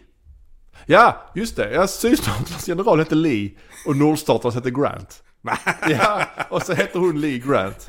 Det är ju... Det är ju nästan övernaturligt. ja. Och en annan sak som är väldigt märklig med Lee Grant, Ja. om man bara snabbt kollar henne på Wikipedia, Ja. är ju hennes luddiga födelsedata. Yes. Det står att hon är född 31 oktober, Halloween, Ja. I mitten av 20-talet. Yes. Och det är född during the mid 20s.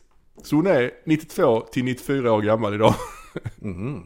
Så hon lever fortfarande. Men man vet inte hur gammal hon är. Det är ju också, Kan man inte använda kol 14-metoden? ja någonting, kolla årsringarna. Jag vet Mm. inte. Men det är lite luddigt i alla fall. Ja, det är lurigt. Ja. Men den här filmen utspelar sig sju år senare. Damien är, hur kan man vara, 14 år gammal kanske? ja, där någonstans i Han är väl trakterna. 14, ja 14. Ja, han, han, eh, han, man etablerar liksom att han har, lite, han har lite krafter och sånt. Det är lite carry över honom. Ja, precis. Han, är också, han har också en brittisk accent. Han pratar brittisk engelska. Trots att han har levt i USA rätt länge tänker jag. Om han nu blivit omhändertagen av USAs president först och sen av den här amerikanske eh, Thorne-brorsan. Eh, Mm. så det, är- det är intressant. Mm. Ehm, ja, och eh, om man ska dra handlingen lite snabbt så det som är liksom kontentan i den här filmen är väl lite grann att filmen fokuserar på hur Damien får kontroll över sin farbrors eh, företag. Ja. Thorn Industries genom då olika, alltså för att eh, Damien har ju medhjälpare som ingår i den här lite större Ja. sekten. Ja, bland annat. Men man ska ju säga också att Ja. Damien är ju fortfarande inte medveten om vem han är i början på filmen. Nej. Precis som, i, precis som i ettan så är han ju inte medveten om att han är antikrist eller djävulens son eller the beast. Just så är det. han inte det i denna filmen heller. Nej. Ehm, Nej, precis. Han har, han har lite olika, olika som hjälper honom. Mm. Bland annat är han som spelar Chase i Falcon Crest. Jaha. är ju med i, eh, jobbar för Thorn Industries. Eh, och sen går han ju också på militärskola i den här filmen. Mm. Mm. Och han har ju en styvbror. Kusin blir det. Ja, kusin ja. Precis ja. Precis. Men, men däremot eh, Lee Grant är ju då inte mamma till... Så är det. Ja. Det nämner de. De är tydliga att nämna det vid den här middagen att, att han Thorn har varit gift tidigare och har en son sen tidigare. Ja. Så är det ja. Sen vet jag inte vad det ger till berättelsen. Jo men det kommer man fram Det kommer till. det kommer sen Ja, ja, ja. Ja, ja. I den här filmen så har ju Damien också hjälp av djur, men det här är det istället en korp. Mm. Istället för rottweiler så har man en svart korp som etableras eh, tidigt i filmen och är också på, på omslaget till filmen. Eh, han, eh, Thorn får ju då kontakt, en journalist, en kvinnlig journalist som kontaktar honom och berättar att eh, hans bror då kontaktade Bugenhagen. Mm. Och eh, hon berättar då att, eh, berättar lite grann för att Storyn är ju det att brorsan har blivit galen och försökt döda sonen och blir skjuten av polisen. Det är ju, så är det ju. Men då berättar hon att, hon, att han innan sin död kontaktade Bugenhagen. Det hade nästan varit renare om Bugenhagen hade överlevt den här eh, raset i början och kontaktat Thorn i, i den här filmen. Och Mm. haft den här journalistens roll, för nu känns hon jävligt meningslös. Och hon dör ju sen direkt efteråt. Efter hon har varnat eh, den här Thorn-killen, Mm. så dör ju hon själv ju. Mm. En av de Ja, mest det, det är ju ett ganska makabert och spektakulärt eh, sätt att dö på. Ja, det är med Som de mest dör. kända scenerna i filmen ju. Det var typ Mm. omslaget på VHSen också. Det är den här, en korpen attackerar henne och sticker Mm. ut hennes ögon. Mm. Och så eh, Ja. springer hon ut på vägen där, Ja. helt blind. Ja, Och så kommer en stor lastbil som kör på henne. Det är Och, lite s- väl. och så, ja, den, den får man nästan likna med scenen i ettan när han blir halshuggen av glasskivan.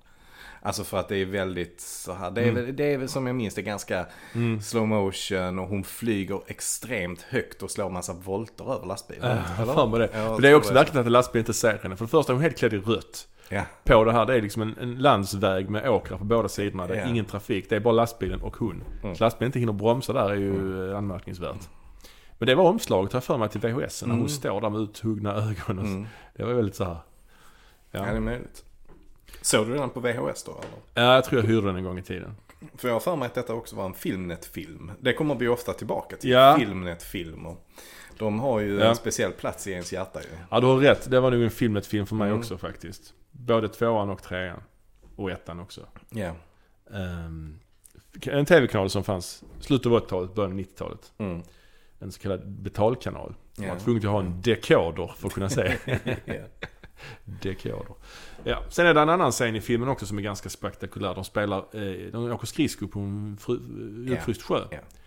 Och eh, där är en som störtar genom isen. Och Mm. åker in under istäcket. Och dras med strömmen. Och alla Mm. försöker, de försöker hacka loss honom. Ja, och han försöker hitta tillbaka till där han kom, eh, kom ner. Ja. Och, och, och, ja. och det är ju en scen som jag kommer ihåg från min barndom. Ja, den är Den obehaglig. är extremt obehaglig. Ja. Alltså verkligen en skräckupplevelse och hamna så. Mm. Att man trillar ner i en isvak och att man Ja. inte kan ta sig upp. Och han som dör är ju en högt uppsatt inom Thorn Industries som är lite, han är ju emot den här eh, Falcon Crest-gubben. Ja, Det är ju hans ja. rival. Så de får undan honom där ju. Mm.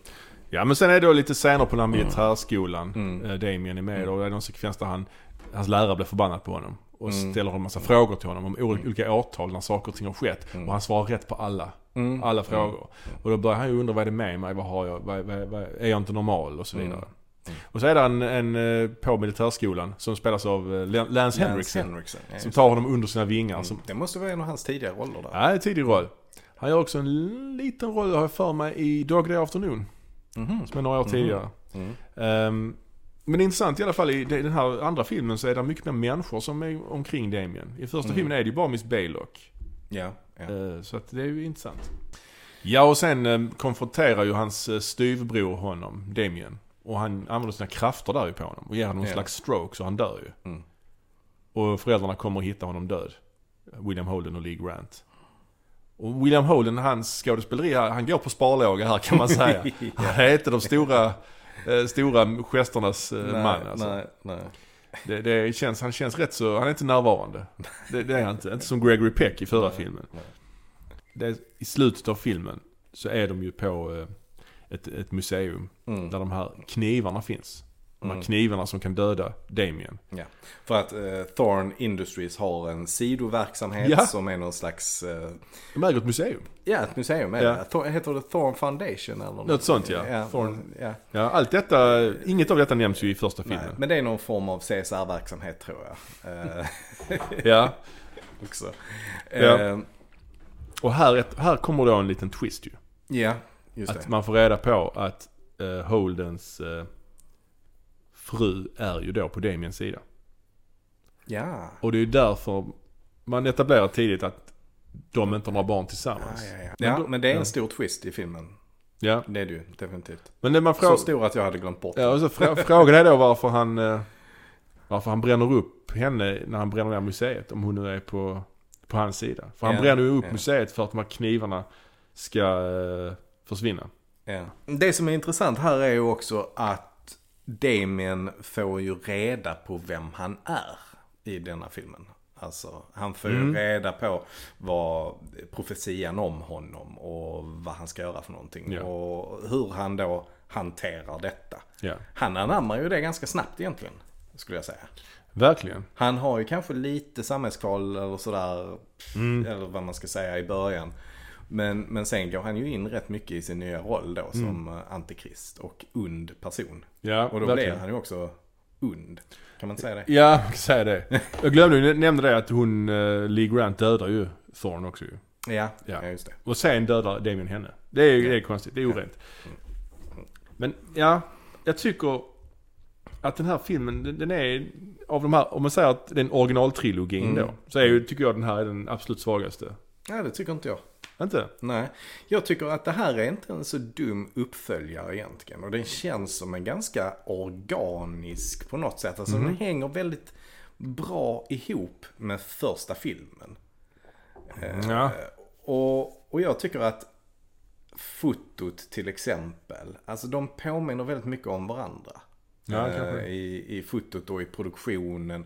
Vi har Gregory Peck i första, vi har William Holden i andra. Två gamla gubbar. Två gamla gubbar som ändå är Hollywood-elit. Och Ja, ja. ger tyngd till det. Mm. Eh, Grant Lee eller Lee Grant eller vad han nu heter. Lee Grant. Den gamla generalen. Ja. Eh, Och Lee Remick i den första. och. Lee Remick. Eh, Mm. precis. Och vi har de här miljöerna som de rör sig i som känns eh, påminner om varandra. Även om det är USA i andra filmen och Ja.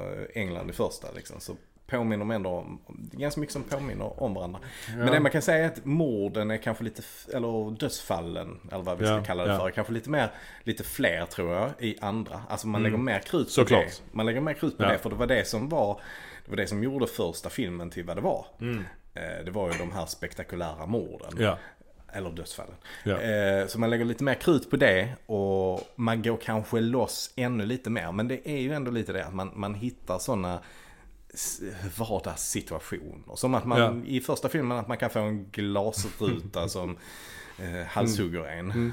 Och i den här filmen är det en som hamnar i en hiss ju. Ja. En hiss som skenar iväg och det kommer någon jävla kabel från hissen och delar honom på mitten. Ja, ja. Så kan hända. Ja den, är, den är rätt obehaglig. Ja. Men även den här grejen att man hamnar under isen och bara dras med av strömmen. Mm. Ja, det är den starkaste scenen i filmen. Ja, ja. Eh, Så att jag, jag tycker att de här två hänger mycket mer ihop med varandra. Ja. Än vad de andra filmerna gör. Faktiskt. Jag så att tyck- jag tycker den är stabil och bra. Jag tycker att, att den här filmen tyvärr, jag tycker den saknar en intressant eh, protagonist. Alltså William Holden, Ja. han bara vandrar omkring där, han fattar ju ingenting. I första filmen så har ju Gregory Peck ändå lite in, insight.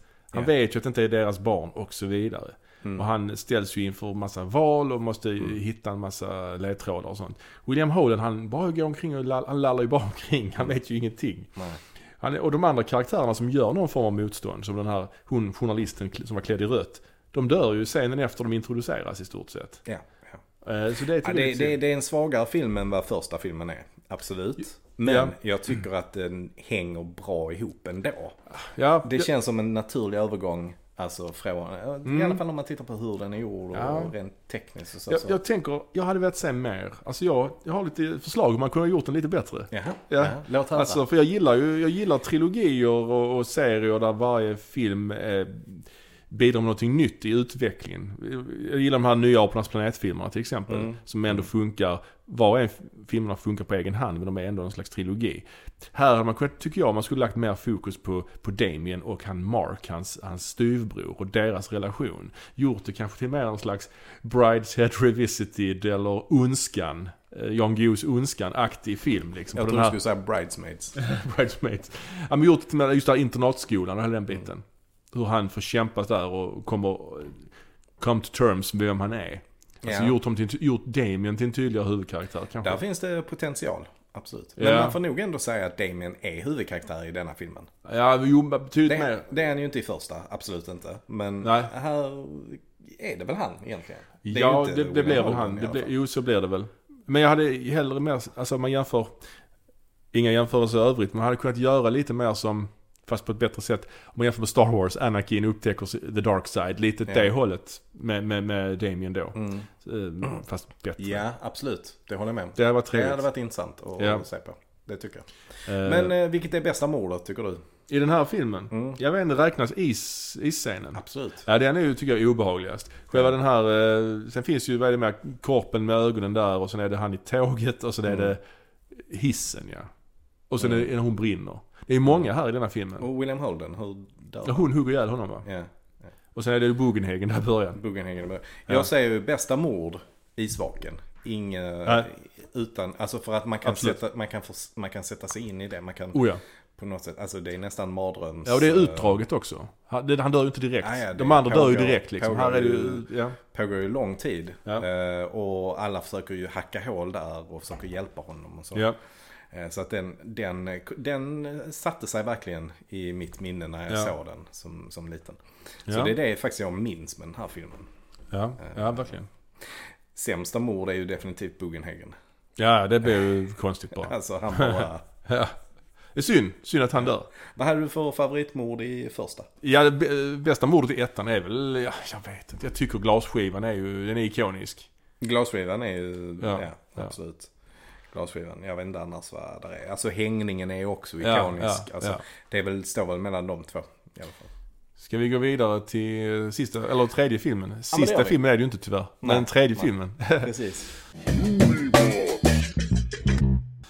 Tredje filmen, ja. Omen 3, The Final Conflict, 1981 kom den. ja, och det intressanta här med titeln är ju att den hette ju inte Omen 3. Nähä, Den heter ju bara The Final Conflict. är det så? Om du ser filmen, i förtexten står det inte Omen 3.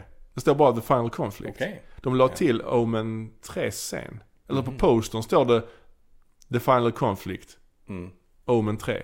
Mhm. Så att de har liksom inte kapitaliserat på att det är en del i Omen-serien så mycket. Framförallt att, eftersom inte ens Omen 3 står i förtexterna. Okej. De har den här klassiska loggan med O med tre sexor i. Men inte i själva filmen. Ja, det är Det är konstigt. Ja. Kommer du ihåg vad den hette på svenska då? Hette den De sju dolkarna eller knivarna Ja. eller något? Omen 3, de sju knivarna. De sju Ja. knivarna. Men jag tycker det är dolkar. Är det inte det? Vad är skillnaden på en dolk och en kniv? Ja, det, det finns ingen tydlig skillnad på det. Man skär med Det en finns ingen kniv. definitiv skillnad på... Ah, eh, ja, nej, nej, nej. Nu kommer jag på. Ja. En dolk är, har, eh, är tveeggad. Jaha. Och en kniv är inte det. En kniv ska normalt sett inte vara det. Men det finns ingen alltså, definitiv eh, skillnad på det. Nej. De kallas för daggers och dagger är väl dolk. Knife är kniv. Ja. Ja. Så där Så har vi det. Och filmen börjar just med de här knivarna eller dolkarna, att de hittas i de här ruinerna efter det brinnande museet i Chicago. Och Mm. som man säger, de här knivarna eh, köps på auktion av Mm. någon. Mm. Av någon rik människa. Och den här rika människan lämnar sen vidare det till någon eh, präst. Tror Ja, ja det, är, det är lite nice, lite så jag. thrilleraktigt. Ja. Eh, och sen också får man se en reklamfilm för Thorn Industries. Mm. Och där de berättar om oroligheter i världen och så vidare. De Mm. liknar ju att världsläget vid någon slags Armageddon. Att vi är på väg mot Armageddon. Mm. Och de berättar också att Thorn Industries, att de tillverkar allt. Typ. Från kärnvapen till sojabaserade livsmedel. Mm. Det är roligt alltså. Ja men det är mycket snack om soja, är det inte det? Ja, det är mest Euroshopper. Du vet de hade allt. Så, vad heter de? Vad heter de? Eldorado. Eldorado. Tillverkar fiskpinnar, jordgubbar, tvättmedel. Men inga kärnvapen får jag hoppas. Nej, jag vet inte. Man vill ju inte köpa Eldorado Det är ju inte kvalitet heller. Alltså när man har så brett sortiment som, som bred verksamhet så blir det ju inte kvalitet. Nej, alltså Eldorado är ju då Hemköps egna Ja, eh, produktion. Axfood. Axfood, ja, Ja, just det. Euroshopper var ju Icas. Men det finns inte längre. Heter, heter det nu? Ica Basic. Ica Basic. Ja, Ja. visst. Så ja. Thorn Industries är någon slags Ica Basic Jag fast... kommer du ihåg vad det hette förr i tiden på, på Konsum? Ja, blåvitt. Blåvitt, Ja. just det. Men det är någon slags Men blåvitt... de har ju nu istället Eh, Änglamark har de ju. Men det är Ja, men det är ju det ekologiska, Det är ja. deras premium. Det är ex, extra heter det. Ja, extra. extra ja. extra. Ja men detta är någon slags Coop eh, extra, Foreign Industries är någon slags, fast är lite, lite mer, eh, lite mer eh, destruktiv. Nej, jag tror inte egentligen man kan jämföra Nej. med det alltså. nej, det kan man ju inte. Som en blandning av, eh, Foreign Industries är ju producenter. ja, det är som en blandning av Amazon och Euroshopper. Ja. Och Bofors. Nej, nej. nej. Halliburton och, och Euroshopper. Jag skulle nog hellre säga Unilever eller någonting Ja, något sånt konglomerat som äger jättemycket, ja. Eller Nestlé Ja, ja. skulle jag likna det vid. Nestlé blandat med Boeing. Eller något sånt vapenföretag. Ja, precis, precis. Ja. Ja. Och Damien är ju då chef för den här Thorn-gruppen nu. Ja, Han pratar ja, också med amerikansk accent nu. Ja, ja. Brittisk i, första, i andra filmen och amerikansk nu i tredje Och filmen. det är rätt udda för han spelas ju av Sa- Sam Neill. Sam Neill ja. Som är från Nya Zeeland ja, just Ja. det. Så att han, ja. Mm. Man tänker sig ju att nyzeeländsk dialekt ligger närmare engelsk eh, Oh ja, dialekt absolut. än, än amerikansk. Så att, ja. men, men oavsett, han är ju omkring 30 år skulle jag tro. Ja, han är 32 tror jag. något sånt. 32. Sam Neill är ju, känner vi ju till från eh, Jurassic Park, um, Ivanhoe. Den onde Ivanhoe. Mm. Ja. Eh, Event Horizon Ja. gör han ju Ja. en bejublad insats i. Possession. Possession också. In the mouth of madness, Carpenter-filmen. ja så, den har inte jag sett. Pianot är med också. Ja. Han är med mycket. Han är han ju, är med han är ju, mycket. Eh, Men framförallt i, i våra trakter är han ju definitivt mest känd som eh, i, från Ivanhoe. Ja, Gilbert. Ja. Brian Gilbert. Han får ju motta Twitter-hat en gång om året. Så är det. Från hela Sveriges befolkning. Så är det. Eh, men i alla fall. Eh, Han är 32 år någonting. han är 32 Ja. år, men filmen är ju inspelad tre år efter tvåan. Ja, här är ju någon slags problematik i tidslinjen. Alltså den här filmen kom 81. Och den borde då rimligen utspela sig ganska många år fram i tiden med tanke på att han har åldrats Mm. eh, 20 år på tre år så att säga. Eller vad det blir. Mm. Så 76, den borde ju Mm. utspela sig 2006. Men de nämner, de nämner i filmen att den utspelar sig ungefär 1981, 81-82. Det finns di- dialog som indikerar detta. Mm. Och man nämner också att Damien tar över Thorn Industries 1971. Mm. Så det innebär då att första filmen, Omen, Mm. utspelar sig på 60-talet. Aha. Nej, 50-talet kanske till och med. Mm. Om man tar över företaget 71, hur, må- hur gammal måste man vara då? Ja, om man är född 50 så är han 21 år då. Och, eh, kan man ta över ett företag som 21-åring? Tveksamt. Ja men det är, gren- det är ju absolut yngsta ju. Ja, ja. Då måste den här filmen, då måste alltså Omen 1 utspela sig på 50-talet. Och det finns ja, ju inget som jag pekar skulle på säga det. 40-talet. Om han är äldre, alltså om han tar över, nej vänta nu. Han tar, Ta över 71. han tar över 71. Och vi säger att han är 21 då, som yngst. Ja, Då är han född 1950. Och då utspelar Ja. sig Omen 1 kanske 56, 57. ja just det. Ja. Just det. Och det, om man tittar på David Warners eh, klädsel och frisyr så är han inte 50-tal. Nej. han är 70-tal så in i helvete. Ja, alltså in i bomben Så kan här, man har säga. man ju, här ja, har man gjort ett ja, problem, här är ett problem ju. Ja, ja. Och här, här kan jag ju så var han bara väldigt uh, nymodig sig. Ja, det kan man göra avantgarde. Men jag gillar ju det här att han är vuxen i sista filmen. Jag Ja. gillar, jag gillar den Mm. idén, men det hade varit ännu jävla coolare om den här filmen varit gjord på 2000-talet. Mm. Man bara väntat svinlänge och sen kom Mm. tredje film. Mm. Det hade varit coolt ju. Mm. Eh, men Sam Neill, ja.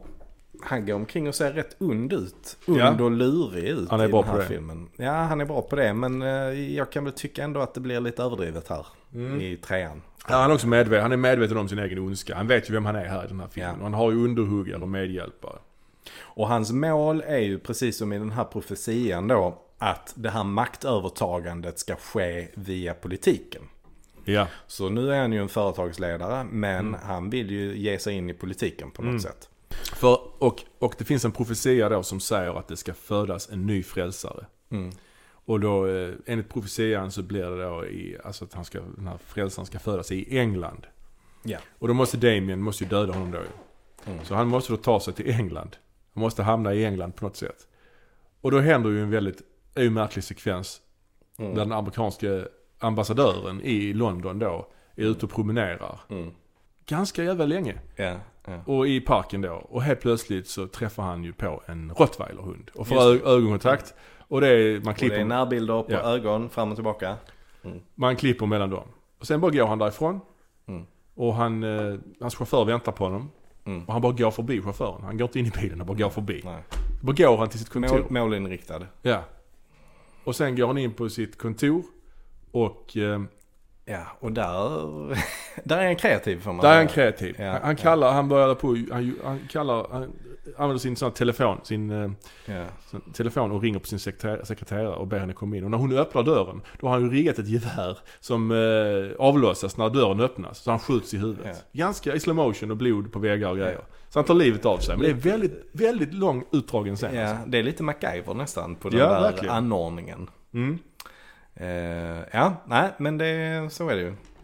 Och ja, och då blir det ju som sagt en eh, ledig ambassadörspost i Ja. eh, London. Jag gillar det här med politiksnacket i den här filmen. Jag tycker det är rätt så coolt. Att, att det är liksom, att han, att Damien är en eh, liksom agerande karaktär här. Han är inte så passiv som han är i ettan och tvåan. Utan här, här är han mer hand, hands on kan man säga. Mm. Man får också se ett sådär eh, observatorium som studerar stjärn, eh, stjärnorna. Mm, just det. Och då räknar de ut eh, någonting med, ja men det här var samma sak som hände då för 2000 år sedan i Betlehem. Damien har ju också en, eh, en assistent. Mm. Och i förbifarten så nämner ju assistenten att hans fru är gravid. Ja. Och det är ju en replik man tänker, varför snackar du om detta? Det, det måste ju bära frukt sen och det, det gör det ju såklart. Mm. Men eh, man får sen då, återigen klipper man ju tillbaka till de här munkarna. Ja. Prästerna som har köpt de här knivarna. Och det här tycker jag är lite coolt. Att, att eh, det är lite som den här, eh, jag vet inte, som en heistfilm lite grann. Eller som den här Spielberg-filmen München, Munich. Mm. De träffas i något sunkigt kök hemma hos någon med de här knivarna och Mm. planerar hur de ska försöka mörda Antichrist. Och de sprider ut sig. Och alla har varsin kniv tror jag. Ja. Det är ju också lite orent för det räcker väl inte riktigt med en kniv. Nej, alltså den första kniven, där är det också lite otydligt. Kan, kan, alltså har de här knivarna någon inbördes eh, ordning så att säga? Alltså, ja, just det. Just det. Finns det en specifik kniv som gör den ena effekten? Mm. Troligen inte liksom, utan det, det spelar nog ingen roll vilken av de här olika knivarna man använder. Mm. Eh, men, men, ehm, ja, den första kniven är ju den som kommer ta bort livskraften. Det får vi reda på i alla fall. Eh, Mm. Från alltså, den, den mänskliga kroppen då. Ja, ja. Sen måste man då döda det andliga väsendet med, de, med hjälp av de andra sex Ja. knivarna. Precis, men det är ju coolt det här att de, de blir liksom någon slags eh, team som ska Mm. utföra Mm. det här eh, uppdraget att döda. Eller så skulle jag säga, det kunde varit coolt. Ja, det är det jag menar. Ja, precis. Det, an, det här, än så länge i filmen är det Mm. ganska coolt. Mm. Sen, Ja, det, det är ju... ja, och det är ju mycket just som du säger, de träffas i ett sunkigt kök och de är ganska low key. Ja, exakt, exakt. Munkarna. Ja, exakt. Eh, Och sen har de lite olika identiteter sådär kan Ja, man säga. De är lite olika personer. Verkligen. Och sen är han då, Damien, han lär känna en kvinnlig journalist i Mm. England och de är Mm. på dejt och de går förbi Mm. Speakers Corner där någon står och pratar och, Mm. Och, då, om djävulens ankomst och, och så vidare. och det är då en av de här munkarna som gör det. Ja, och sen blir hon, hon, han, hon vill att han ska vara med i hennes talkshow. För hon är en Mm. sån här känd tv-intervjuare. Mm. Och det är han ju det. Och då försöker en av Och munkarna... det är en motsvarighet till Malou von Sivers. Ja, det kan man säga. Typ. Malou von Sivers. Fast uh, yngre. Ja. Och då försöker de här munkarna mörda Damien i studion. Mm. Han klättrar upp i, i ljusriggarna och sen så sna, snubblar han och... Ja, det är pajigt. Han snubblar och fastnar i en sladd och så hänger han och dinglar fram och tillbaka. och sen så tar han eld och börjar brinna. Ja. Eh, det känns klantigt. Alltså de, de har ett väldigt dåligt tillvägagångssätt. Mm. Varför kan de inte bara planera det här lite, lite bättre och göra en lite mer gedigen insats istället Ja. för att de bara ska vara ett så... Ja. De vet ju vem han är. Göra det på egen hand. Och varför, en och en, ja. Det är Mm. jättedumt att bara Mm. en och en. Liksom. Ja, sen är det någon sekvens där Damien står och pratar om någon sån Jesus-staty i något kapell. Har någon skön Ah, han har en egen sån va? I, Ja. Där han bor tror jag. Ja, jag tycker det är rätt cool den scenen. Ja. Men sen får hans assistent barn ju. Han blir Ja, just det. far. Just det. Och under tiden här så har ju också han och ehm, den kvinnliga journalisten odlat sin relation lite grann. och han har fått träffa hennes barn. Hon har också ett barn. Just det. Eh, och de börjar spendera mer och mer tid med varandra. Mm. Eh, och flörtar lite grann. Går, går ut på dejter och sånt där. Ja, med kvinnan ja. Ja, med sonen. Nej, ja. med sonen. Nej, nej, Ja, precis. Ehm, och sen är det någon sekvens där de, han är någon, munkarna försöker mörda honom i en slags slottsruin också ju. Eh, ja, precis. De, de failar i alla fall. Ja, de failar. Trillar ner i en lucka och Ja, precis. Eh, och, och, och sen är det ytterligare en sekvens där, de, eh, där han är ute på någon jakt. Ja, de har sån rävjakt. Rävjakt Ja. är det ja. Eh, så att Damien, då, då, då har de en väldigt eh, finurlig plan för det. För de tar då en död räv och liksom skapar ett eget spår med den här räven för att locka upp Damien bort från de andra jägarna. Så Damien kommer ensam upp med alla sina vi gissar på att det är fox terriers, alltså ganska små, små hundar kan man säga Ja, ja, ja. eh, som jagar den här räven då. Eh, och, och då kommer han upp och är borta från resten av sitt följe. Och så hamnar han mitt på en bro och då kommer det upp eh, en munk på ena sidan som spärrar av där och en munk på den andra sidan. Så han är fast mitt ute på bron. Och då ska de gå fram och döda honom. Men den ene sitter på häst och då får ju Damien någon slags, han har ju den här kontakten med djuren. ju, Så att han får ju den här hästen till att eh, eh, ja, kasta av Ja. den här munken så han trillar ner från, från bron. Och sen så bussar han alla de här hundarna på den andra munken. Och Ja. det kan jag också tycka är ett rätt så dåligt eh, dödsfall eller mord. Ja, de är ju Eh, klantiga de här munkarna alltså. Ja, och- Dåliga på att smida planer. Precis, och, och här i det, i, i det här fallet så var det kanske inte planen det var fel på. Planen var väl egentligen rätt bra, de var ändå två styckna. Ja. Men här blir det ju lite tramsigt att han bussar de här småhundarna på, på munken. Munken hade ju bara kunnat hoppa in i bilen och stänga dörren. Så hade han varit, det hade inte varit några problem med hundarna. Nej, nej, nej. nej. Eh, Men det gör han inte, så hundarna eh, attackerar honom och biter väl ihjäl honom då, tror jag. Ja. Och sen kommer ju då det till, krit, kritan att Damien ska utföra någon plan. Likt, Ja. likt Herodes. Så ska han ju döda alla barn Mm. som föds vid visst klockslag. Mm. För att eh, på så sätt säkerställa att den här nya frälsaren eh, dör. Mm. Så han bestämmer sig, de skickar ut sina underhuggare. Det är så stort, han har så stort möte med alla, Mm. alla som är, är på hans sida. Han har så tal till dem hur de ska Mm. ut och... Ja, och den här grupperingen med människor som är på hans sida, det är ju också något som vi blir introducerade till ganska, eh, ganska direkt. Eller inte direkt, utan ganska från ingenstans kommer ju Ja. det. Eh, så att det, det var man ju inte heller helt beredd på. Det påminner nästan om i den senaste, eller sista Star Wars-filmen. Ja, ja. Eh, när Palpatine, kejsaren ja. har en massa Sith eh, Lords. Ja, någon, någon form av publik. Eller vad det nu Ja, Han har ja. publik där. Men som Mm. jag tolkar det så är det eh, alla, alla sitt-andar eller något. Ja, Jag men vet inte vad det precis. är liksom. Ja men lite så. Men i alla fall det kommer sen ett montage. Mm. Man får se hur de dödar olika barn. Man får inte se det så direkt men det är ändå. Och sånt har jag ju väldigt svårt för liksom. Det är en sekvens där en präst ska döpa en unge. Mm. Och så dränker han ju ungen i dopfunten. Mm. Och föräldrar bara skriker. Det är, sånt tycker jag är Mm. obehagligt alltså. Ehm, han har ju odlat den här relationen med eh, den här kvinnan. Marie von Sydow. Marie von Sivers. Och eh, Ja, och ja, men de har, de har väl haft en romantisk middag och hon följer med honom hem. Och de går till sängs. Och eh, ja, det här är ju den första, vad jag kan minnas, sexscenen som förekommer i någon av Omen-filmerna. ja, det finns ingen tid till sånt i de andra filmerna. Nej, kan man nej, säga. nej precis. Eh, Men, men här får vi se en, en ganska utdragen sexscen i alla fall med Damien och journalisten. Så vänder han ju henne om och eh, har analsex med henne. Ja. Eh, Så... Det är grovt. Att ha en sån scen i en sån här pass eh, storproduktion är ju ändå... Ja, alltså det är ju rätt konstigt eh, tycker jag. Det har nog aldrig förekommit vad jag vet i någon annan. Nej, nej. Alltså, och det är ju heller inte så att man, att man får se någonting explicit liksom. Det är Nej, inte, nej, nej. Det är ju inte det det handlar om. Hon skriker ju i smärta och så vidare. Precis, precis. Och eh, morgonen efter så går hon ju upp ur sängen och hittar Damien liggandes i något... Fosterställning. I fosterställning. I det här kapellet. I det här kapellet, den här Jesus-statyn. Och då tittar hon och då ser hon att han har den här 666 Ja. i hårbotten. Och det är nästan, han ligger där nästan som att han skäms för vad som har hänt kanske. Ja, Eller? kanske, kanske. Jag vet inte. Det är, det är också märkligt hela den här sekvensen tycker jag. Ja, och eh, det är också märkligt. eh, Det är också intressant att han har väl också odlat någon slags relation med hennes son. Att hennes Mm. son är ju på hans sida Mm. eh, och, och hjälper honom. Och sen får man ju då reda på att det är ju då, hans assistent har ju fått ett barn som vi nämnt tidigare. Och det är ju då det här barnet som är Mm. Kristusfiguren. Just det. Han vägrar ju naturligtvis döda sin son. Han hävdar ju att hans son inte är född vid det här klockslaget. Men det är Ja, han. han ska vara född dagen innan ju. Ja, precis. Men sen är det ju tyvärr så att eh, hans fru faller under Damiens spel Mm. och dödar ungen.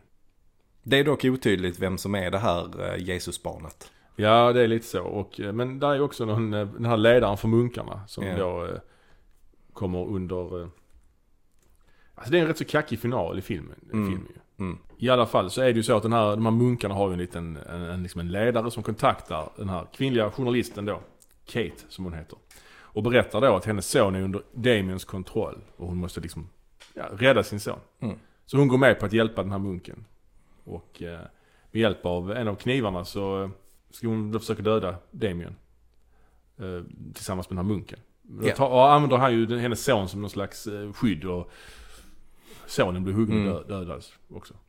Men så vill ju Damien, mitt i detta, det är med en slags kyrkruin också. Och då Mm. kallar ju Damien på Jesus. Jesus, att han ska visa sig och sånt. Mm. Det blir ganska, Men han ja, får en kniv i sig först. och då blir det någon slags ljus, ljussken. Så han är ju döende. Hans, hans kroppsliga form är ju, är ju döende av den här kniven som han får i sig. Just det. Hon sticker ju honom. Ja. Eh, och då, eh, ja, faller han ihop och dör och säger att eh, du vann. Mm. Eh, Precis, för Ja. Jesus uppenbarar sig ju där också. Ja. Och ehm, genom något slags, eh, ja. Det, det ser väldigt uh, andligt och religiöst ut, Ja. den här avslutningen. Precis. Ehm, ja, jag tycker den här filmen är inte helt uh, klockren såklart. Jag gillar att Damien är huvudperson. Jag hade gärna sett lite mer av de här munkarna, att de var Mm. lite smartare också. Ja, Jag tycker detta är den svagaste i, eh, i, av de här tre då. I trilogin Mm. är detta den svagaste. Och mycket handlar ju om att det är inte lika intressant när Damien vet vem han är. Nej, kanske inte. Eh, tycker jag. För att det bidrar ju till att Sam Neill bara går omkring hela filmen och försöker se så und och illmarig ut som möjligt. Egentligen. Mm, mm. Eh, så att det, det gillar jag inte. Lägger man då dessutom till den här aspekten att de här munkarna är så oerhört klantiga. Ja. Vilket de är. Alltså de är ju pajiga när, när särskilt den här första som försöker döda, som, dö- döda Damien som trillar ner från riggen i tv-studion. Just det. Det känns, ju, det känns ju rätt tramsigt.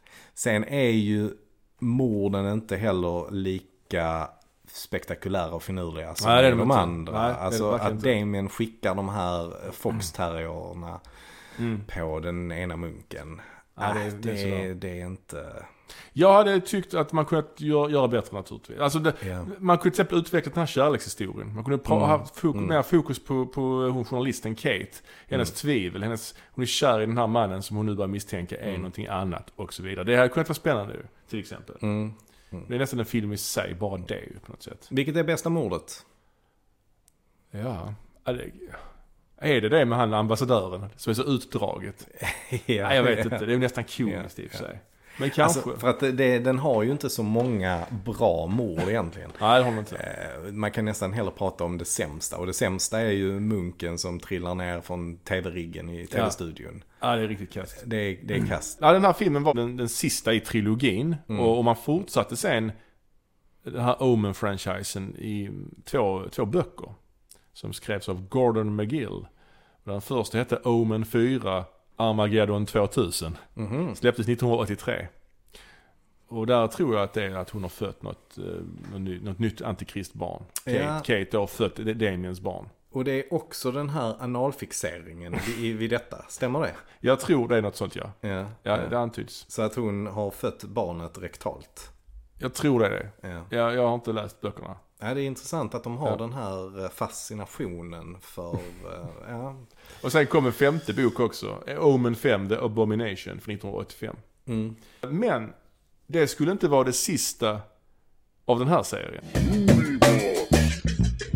Nej, nej det var det ju inte. Utan, utan där 91 då så bestämmer man sig försöka göra en, äh, försöka återuppliva franchisen. Ja, Och då är det då Omen 4 The Awakening. just det. Eller på svenska? Uppvaknaden. Nej, Ondskans hämnd. Ondskans hämnd. Ondskans ja. hämnd. Mm. Ja, och det här är en film som är gjord för tv. Just det. Eh, vilket man känner av tycker jag. Den känns rätt billig eh, produktionsmässigt. Oh ja, alltså det här är Och vi- riktigt låg kvalitet. Ja, och vi har inte heller alls samma skådespelargalleri som i de Nej. andra. Nej, här har vi en, hon som spelar huvudrollen. Det här är också lite, jag vet inte, det är en rolig slump. Ja. Men det är ju då en skådespelerska som hade en rätt stor roll i tv-serien V på 80-talet. Den här Mm. klassiska med ödlorna. Hon heter alltså Faye Grant. Jaha. Så att det blir någon slags poesi i de kvinnliga huvudpersonerna. Vi börjar med Lee Remick. Ja. Sen Lee Grant. Ja. Det finns ju Lee där och så Grant. Ja. Och sen nästa är Faye Grant. Så Grant fortsätter. De avlöser Aha. varandra liksom. Okej. Lee Remick. Lee Grant, Ja.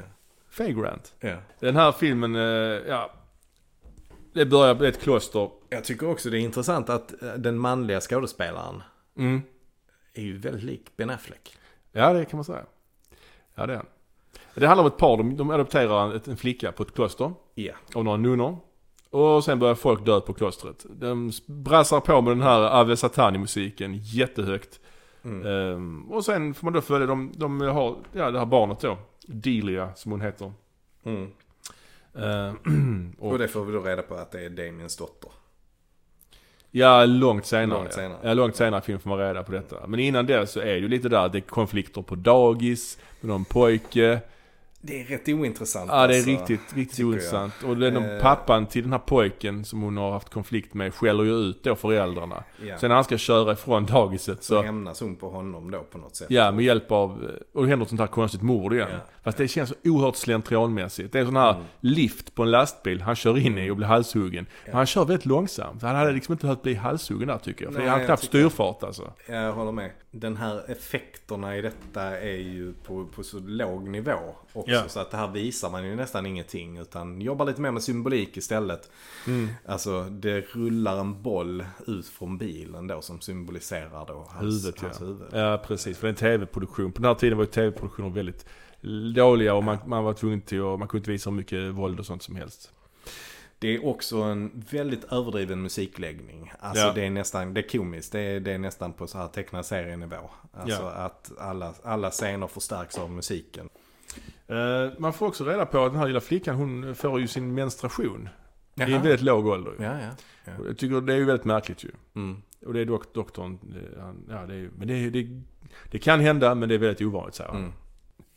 Men jag tycker flickan är, spelar ändå rätt okej tycker jag. Och framförallt så tycker jag att hon har ett rätt bra utseende. Hon Mm. ser ganska oskefull ut tycker jag. Ja, det är sant. Det är sant. Ehm, men i alla fall, de ska, hon vill ju, det händer en hel del grejer. De är på en new age-marknad och hon, Mm. det börjar brinna. Och, alltså det är ju riktigt dåligt. Alltså den här filmen är ju en sån film som inte borde gjorts. Ja. Så kan man ju säga. anli- anlitar de ju en privatdetektiv också. Ja, för att hon, den här mamman, vill ju ta reda på den här, den här nunnan som de adopterar flickan av. De vill hitta henne ju. Mm. De- anlitar en deckare som spelas av Michael Lerner. Mm. Som var med i Barton Fink, som vi pratade om här förleden. Just det. Som var Oscars-nominerad för Barton Fink. Lipnick. Nipnick. Som sen gör den här filmen efter det. Ja. Det är verkligen eh, dåligt eh, karriärsval. ja, eller så har han en dålig agent som ger honom dåliga råd. Ja, verkligen. Ehm, mm, ja men där är en scen där han i något slags delirium, jag vet Mm. inte, eller om han jagar någon eller Just någonting det. Sånt. Han är ute på någon gata. Och börjar se syner. Det, det förekommer ju i de här filmerna att man Ja. får olika syner då. Ja. Men, men det är så fult gjort. För att det är ju då, de spelar någon av de här eh. Goldsmith-låtarna. ja. Och så springer han där och så ser han, det ser lite sådär suddigt ut. Det ser ut som att han är påverkad av någonting. Och så bara helt plötsligt från ingenstans hoppar det fram då en kör som stämmer in i den här Jerry Goldsmith-musiken. Just det. Just det. Och, och bara så sjunger det. Alltså, Hetsigt. den här kören. Hetsigt är det. Hetsigt. Och det ser så jäkla dåligt ut. Ja, det är så alltså. dåligt klippt också. Ja, ja. Innan detta också så är han ju på någon, han hittar ju den här nunnan på någon Mm. slags väckelsemöte. Mm. Där hon börjar gå omkring, hon går ner i någon slags låda med giftormar ju. Mm, Och blir ihjälbiten. Ja, ja. Jättemärkligt. Sen springer jag ut därifrån. Och sen under den här, efter den här träffen, den här kören. Mm. Så går han förbi en byggarbetsplats. Plats. Och där är ju en sån här eh, wrecking ball. Mm. Som eh, ändrar riktning och, och träffar honom. Och Ja, dödar ja, honom. ja. Och det är så oerhört dåligt klippt. Mm, mm. Och hon, eh, Faye Grant, huvudpersonen, undrar ju vad som har hänt med den här deckaren. Så hon Mm. ringer ju, sjuk, sjukhuset ringer ju. Och berättar att han har dött. Mm. Och så säger, hon, så säger hon också, hon som, från sjukhuset att ja, vi har haft en jobbig dag idag. A preacher woman died of a snake bite. Alltså hon nämner det också, att det också har hänt. Visst man gör det, man nämner det till någon så ja han har dött. Och idag har också den här personen dött. ja, ja, Och då fattar hon ju att den här nunnan också är död. ja. Det är så jävla dåligt manus där alltså. Eh, ja, nej, men alltså man kan nästan gissa sig till hur den här filmen ska sluta. Ja, alltså det, det är ju så att hon, den här doktorn eh, som berättar om menstruation och så vidare, han är ju Mm. också in on it. Ja. Så han avslöjar ju för henne att det är Damiens dotter. Mm. Faye Mm. Grant blev mördad ju. Men det slutar i alla fall med att eh, mamman begravs. Hon dör, Mm. begravs och de vandrar iväg resten av familjen. Och Mm. kameran åker upp och gången de går på ser ut som ett upp och nervänt kors. Mm. Så det är rätt så effektfullt slut. Ja, det är den enda bilden. Jag hade sett den här filmen innan. Jag glömt. Jag visste inte att jag hade sett den här filmen förrän jag såg den upplevande korset. Ja. Det kände, jag, det kände jag igen. Men det här är en jävligt dålig film. Ja, Alltså, det den här är- är, den absolut inget man vill se igen. Alltså. Nej, jag förstår inte hur man kan göra en så här dålig film på riktigt. Alltså det är ändå, det är ändå folk med utbildning som har gjort det här. Och det är ändå en del av en franchise. Man hade Mm. kunnat, var är Thorn Industries? Nämns, de finns inte kvar. Nej. Ingenting som har med de andra filmerna att göra alls, förutom att man näm- nämner Damien och då det är den här musiken liksom. Mm. Mm. Och eh, ja, om vi ska fortsätta på samma tema som innan och prata om det bästa mordet så finns det ju inget egentligen man vill eh, nämna. Eh, halshuggningen bildar ju någon slags eh, ark tillbaka till de andra filmerna. Mm. Eh, Ja. eller till den första i alla fall. Eh, så den kan man väl, men den är ju dåligt gjord alltså. Så Ja. att det, är, Ja, det är- inget att hänga i Ja det är riktigt, riktigt värdelöst alltså. Och därför, den här räknas, jag räknar inte den här filmen alltså på något sätt. Detta är ju en tv-produktion. Mm. Det är ju för, samma producent, vad sist han gjorde innan han gick bort ju. Men ja. Mm. Men sen hamnar ju Omen-serien i träda så att säga. Ja, fram till 2006. Ja. Och då gjordes det ju en remake och den gjordes väl antagligen för att det var just 2006. Ja. Så det blev 06, 06, 06 igen. Ja den släpptes ju den 6 i 6 06. Det känns som att den bara gjordes för det. Ja. För att kunna släppas då. Och det är ju en, eh, man får väl säga att det är en identisk remake på den första filmen. Ja. Med nya skådespelare såklart. Ja det är han, eh, vad heter han? Liv Schreiber eller Schreiber. Just det, och Eh, Julia Stiles va? Julia Stiles. Ja. Har vi någon annan som är med? Ja det är den? intress- enda som är intressant Michael här. Gambon är med. Ja och det är I alltså Bugenhagen. Bugenhagen. Just det. Och det är ju ändå, han är ju en etablerad skådespelare liksom. Så att det är ju Ja, ett det- stort namn, hyfsat stort för, för dem. Ja. Sen är det ju även Mia Farrow. Ja, som, det är det ju enda som är intressant ju. som är Baylock då. Ja, det är ju intressant att hon spelar Baylock eftersom Mia Farrow också spelar med i Rosemary's Baby. Ja, Så blir det lite kul ju. ja precis. Eh, och man får väl säga att hon gör det väldigt bra tycker jag. Ja, jo.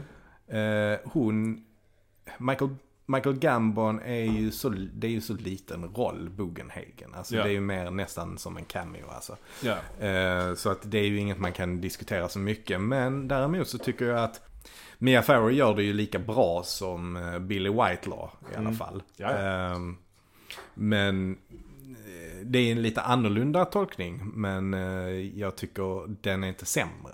Och det, och det är väl hon som är höjdpunkten i detta.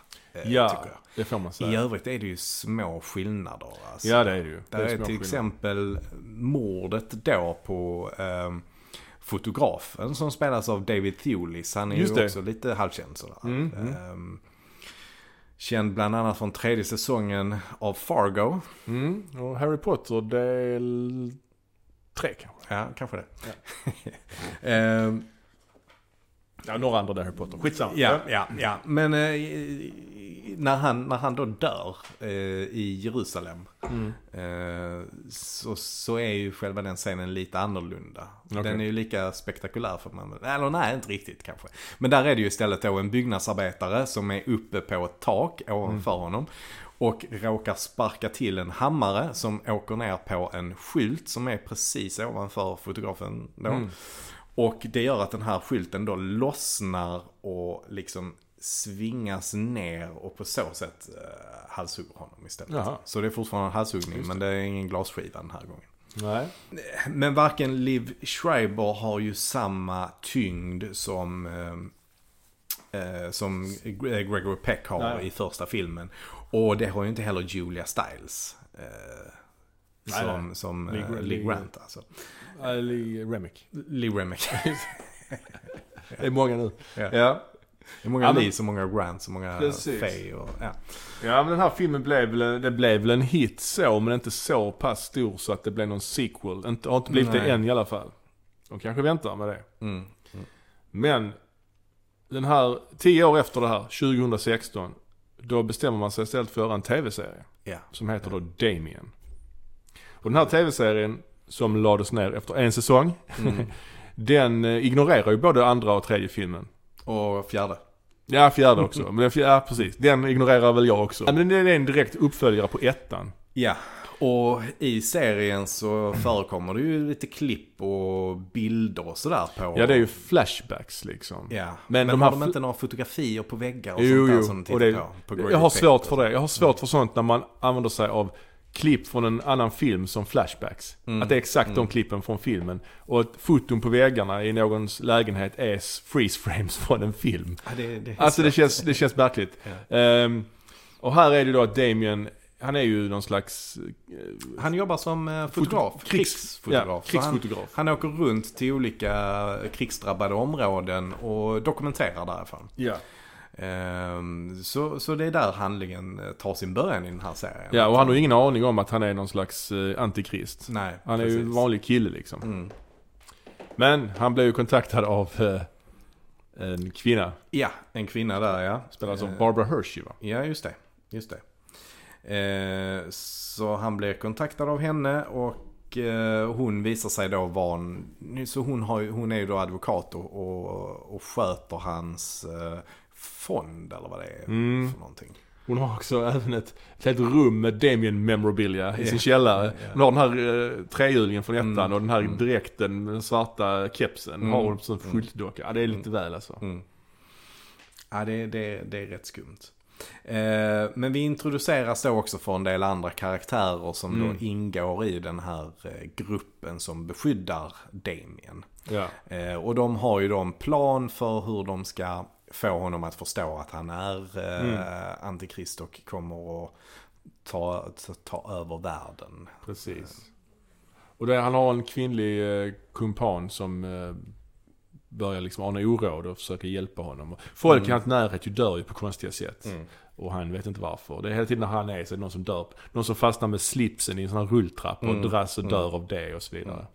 Sen träffar de ju även en gammal elev till Bugenhagen. Just som det. berättar lite, ger lite bakgrundsfakta. Som Mm. berättar om då Bugenhagens eh, besatthet över Damien. Mm. Jag undrar hur han hann med att vara så jävla besatt av Damien. Ja. Alltså han dör ju ändå i tvåan ganska omgående. Mm. Mm. Ja, jag vet inte. Men jag vet inte, den här serien är ganska tam alltså. Ja, det får man väl säga. Det är någon polis också som börjar undersöka de här morden och upptäcker att den här Damien är alltid i närheten när någon dör och så vidare. Ja, så att han blir ju jagad på lite olika fronter där. Ja. Och, och det som serien handlar om är väl egentligen att Damien inte vill acceptera detta. Precis. Eh, Så att det är på något sätt ett Damien med, med samvetskval. Man kan väl säga att det är lite grann som trean på sätt och vis. Mm. Eh, Men med skillnaden att han inte accepterar sin roll. Nej, precis. Han försöker till och med ta livet av sig vid ett tillfälle. Ja, Men då kommer en sån här rottweiler och han försöker gasa ihjäl sig i garaget. Men då kommer en rottweiler och öppnar garageporten. ja Och just det, och släpper ut honom. det släpper ut honom ja. Nej, så att det här, det här är ingen uh, sevärd serie kan jag inte säga. Det var med all rätta de la ner den. Ja, verkligen. Verkligen. Jag vill ändå bara säga bästa mord i Ja. Damien. Har Mm. du något där? Nej. För du har nämnt det. Jag tycker ändå den här halshugg eller s- att fastna med slipsen i rulltrappan. Ja, okej. Det är rätt Ja, obehagligt. kan man relatera till på något sätt. ja, kan det ens ja. hända tänker man. Men ja, absolut. Ja, ja men vad tror du om framtiden för den här franchisen då? Nej, jag tycker den är, den, de, de här tre filmerna som jag ser det som Mm. eh, funkar som en bra trilogi. Mm. Och man kan låta det vara där, Mm. eh, helt enkelt. Jag hade kunnat uppskatta om man hade gjort en fortsättning. Man hade kunnat, man hade gärna få lov att göra en fortsättning på den här remaken och göra den så som jag önskar att tvåan hade varit. Det hade jag inte haft någonting Mm. emot. Men annars kanske man kan låta den här franchisen vila i frid. Mm. Eh, Det hade varit kul också på ett experimentellt att göra en uppföljare. Alltså göra en, tre, en trea när han är vuxen men vänta i realtid så många år som det skulle gått tills han blev vuxen. Så den, det har varit kul ju. Mm. Mm. Mm. Men eh, nej, jag, jag tror inte det. Det blir nog inte så mycket mer med detta känns det som. Nej, det, jag, jag tror inte det. Alltså med tanke på att han är alldeles för övermäktig. Ja, Alltså att ja. allting kan bara ske med onaturliga krafter utan, utan någonting. Så, så känns han ju oövervinnerlig. Så det man får göra i så fall är väl lite grann som de försökt göra i tv-serien. Att han inte är und. Alltså i tv-serien så bäddar de ju upp för att det ska komma en ny säsong. För att det som den slutar med är ju då att Vatikanen skickar ut någon slags så här krigare av något slag. Ja, just det. Med de här, nej, knivarna är på lite olika, Ja. de befinner sig på lite olika platser. Ja. Som till exempel eh, Barbara Hersheys karaktär har ju två knivar till exempel. Och de här munkarna som skickas ut från Vatikanen har... Mm. Men man kan ju tänka sig att de hade väl planerat då att andra säsongen skulle handla om det här kriget då mot de eh, munkarna. Och ja, men, Ja. men han är ju alldeles för övermäktig. Det finns ju ingen som... Till exempel så ställs han mot en eh, sån här specialstyrka av såna här bodyguards av något slag. Med automatvapen med lasersikten och Ja, så. Alltså riktigt så. Ja, då bara hypnotiserar han dem att döda varandra istället. Ja, ja, Så att ja. det finns ju aldrig någon riktig risk för Nej, honom. det är sant. Ehm, Nej, men jag tycker väl att eh, originaltrilogin, eh, den är trevlig. Men Mm. jag tycker att första filmen är riktigt bra. Den har sina brister logiskt. Men jag skulle ändå hålla den som en av mina favoritskräckisar faktiskt alltså. Mm. En av, alltså topp 10 i alla fall. om vi tittar på de här okulta filmerna som kom där i den vevan. Mm. Vi räknar in Rosemary's Baby och Exorcisten. Så ty- håller jag båda dem högre till exempel. Ja, Exorcisten definitivt. Mm. Rosemary's Baby är jag inte lika säker på om jag håller högre faktiskt. Nej. Eh, det tror jag faktiskt inte jag gör. Men uh, The Exorcisten är definitivt bättre. Mm. Och The Shining också om man ska ta Mm. en skräckfilm som kom i vevan där så är den ju naturligtvis mycket bättre. Mm. Men jag tycker ändå den här har någonting. Den har någonting, absolut. Och jag tycker är- inte den är rätt igenom dålig. Men eh, Nej, jag tycker det är en, eh, jag tycker det är en film som har blivit bättre faktiskt ju ettan. Mm. Mer, gång, mer jag har sett den. Och nu har jag sett den rätt många gånger. Så att jag men eh, de andra två i trilo, första trilogin har ju uppenbara brister. Men det har ändå också sina förtjänster, tycker jag. har du sett bakom materialet till ettan? För jag vet ju att du har den på Blu-ray. Ja, jo det har jag gjort. Är det inte rätt intressant att han, eh, Richard Donner, sitter där med en No Fur t-shirt på sig? Han har en pin. Är det en pin han har? Han har en pin, Okej. no fur. Ja. Han Ja. ja. päls. Ja, Men är inte det ändå, bara, det är helt okommenterat också ju. Han bara sitter där med det. ja, ja. Han gillar inte päls. Nej, ja, men det är bra. Tycker Ja, det är bra åsikt. Ja. Ja, det, det kan man ha. Men, men det känns ganska ovanligt att man gör det i en sån där Mm. bakomfilm. ja, det brukar ju inte, sådana filmbolag brukar vara rätt så rädda för att ta politisk eh, ställning. Verkligen. Sådär, liksom. Verkligen. Men Men de brukar ha någon text i början ju att eh, det är de som är med i intervjuerna, det är deras åsikter, det representerar inte bolaget och så vidare. Ja, det är sant. No fur, helt enkelt. Är kanske det vi ska avsluta där med att eh, om ni ska se någon film så tycker jag att man ska se ettan. Mm. De andra, tvåan och trean kan man också se som lite, vad ska man säga, appendix, kom- komplement till... eh, Ja, jag vill nog dra lite högre växlar på tvåan. Ja, ja. Tvåan tycker jag definitivt man ska se.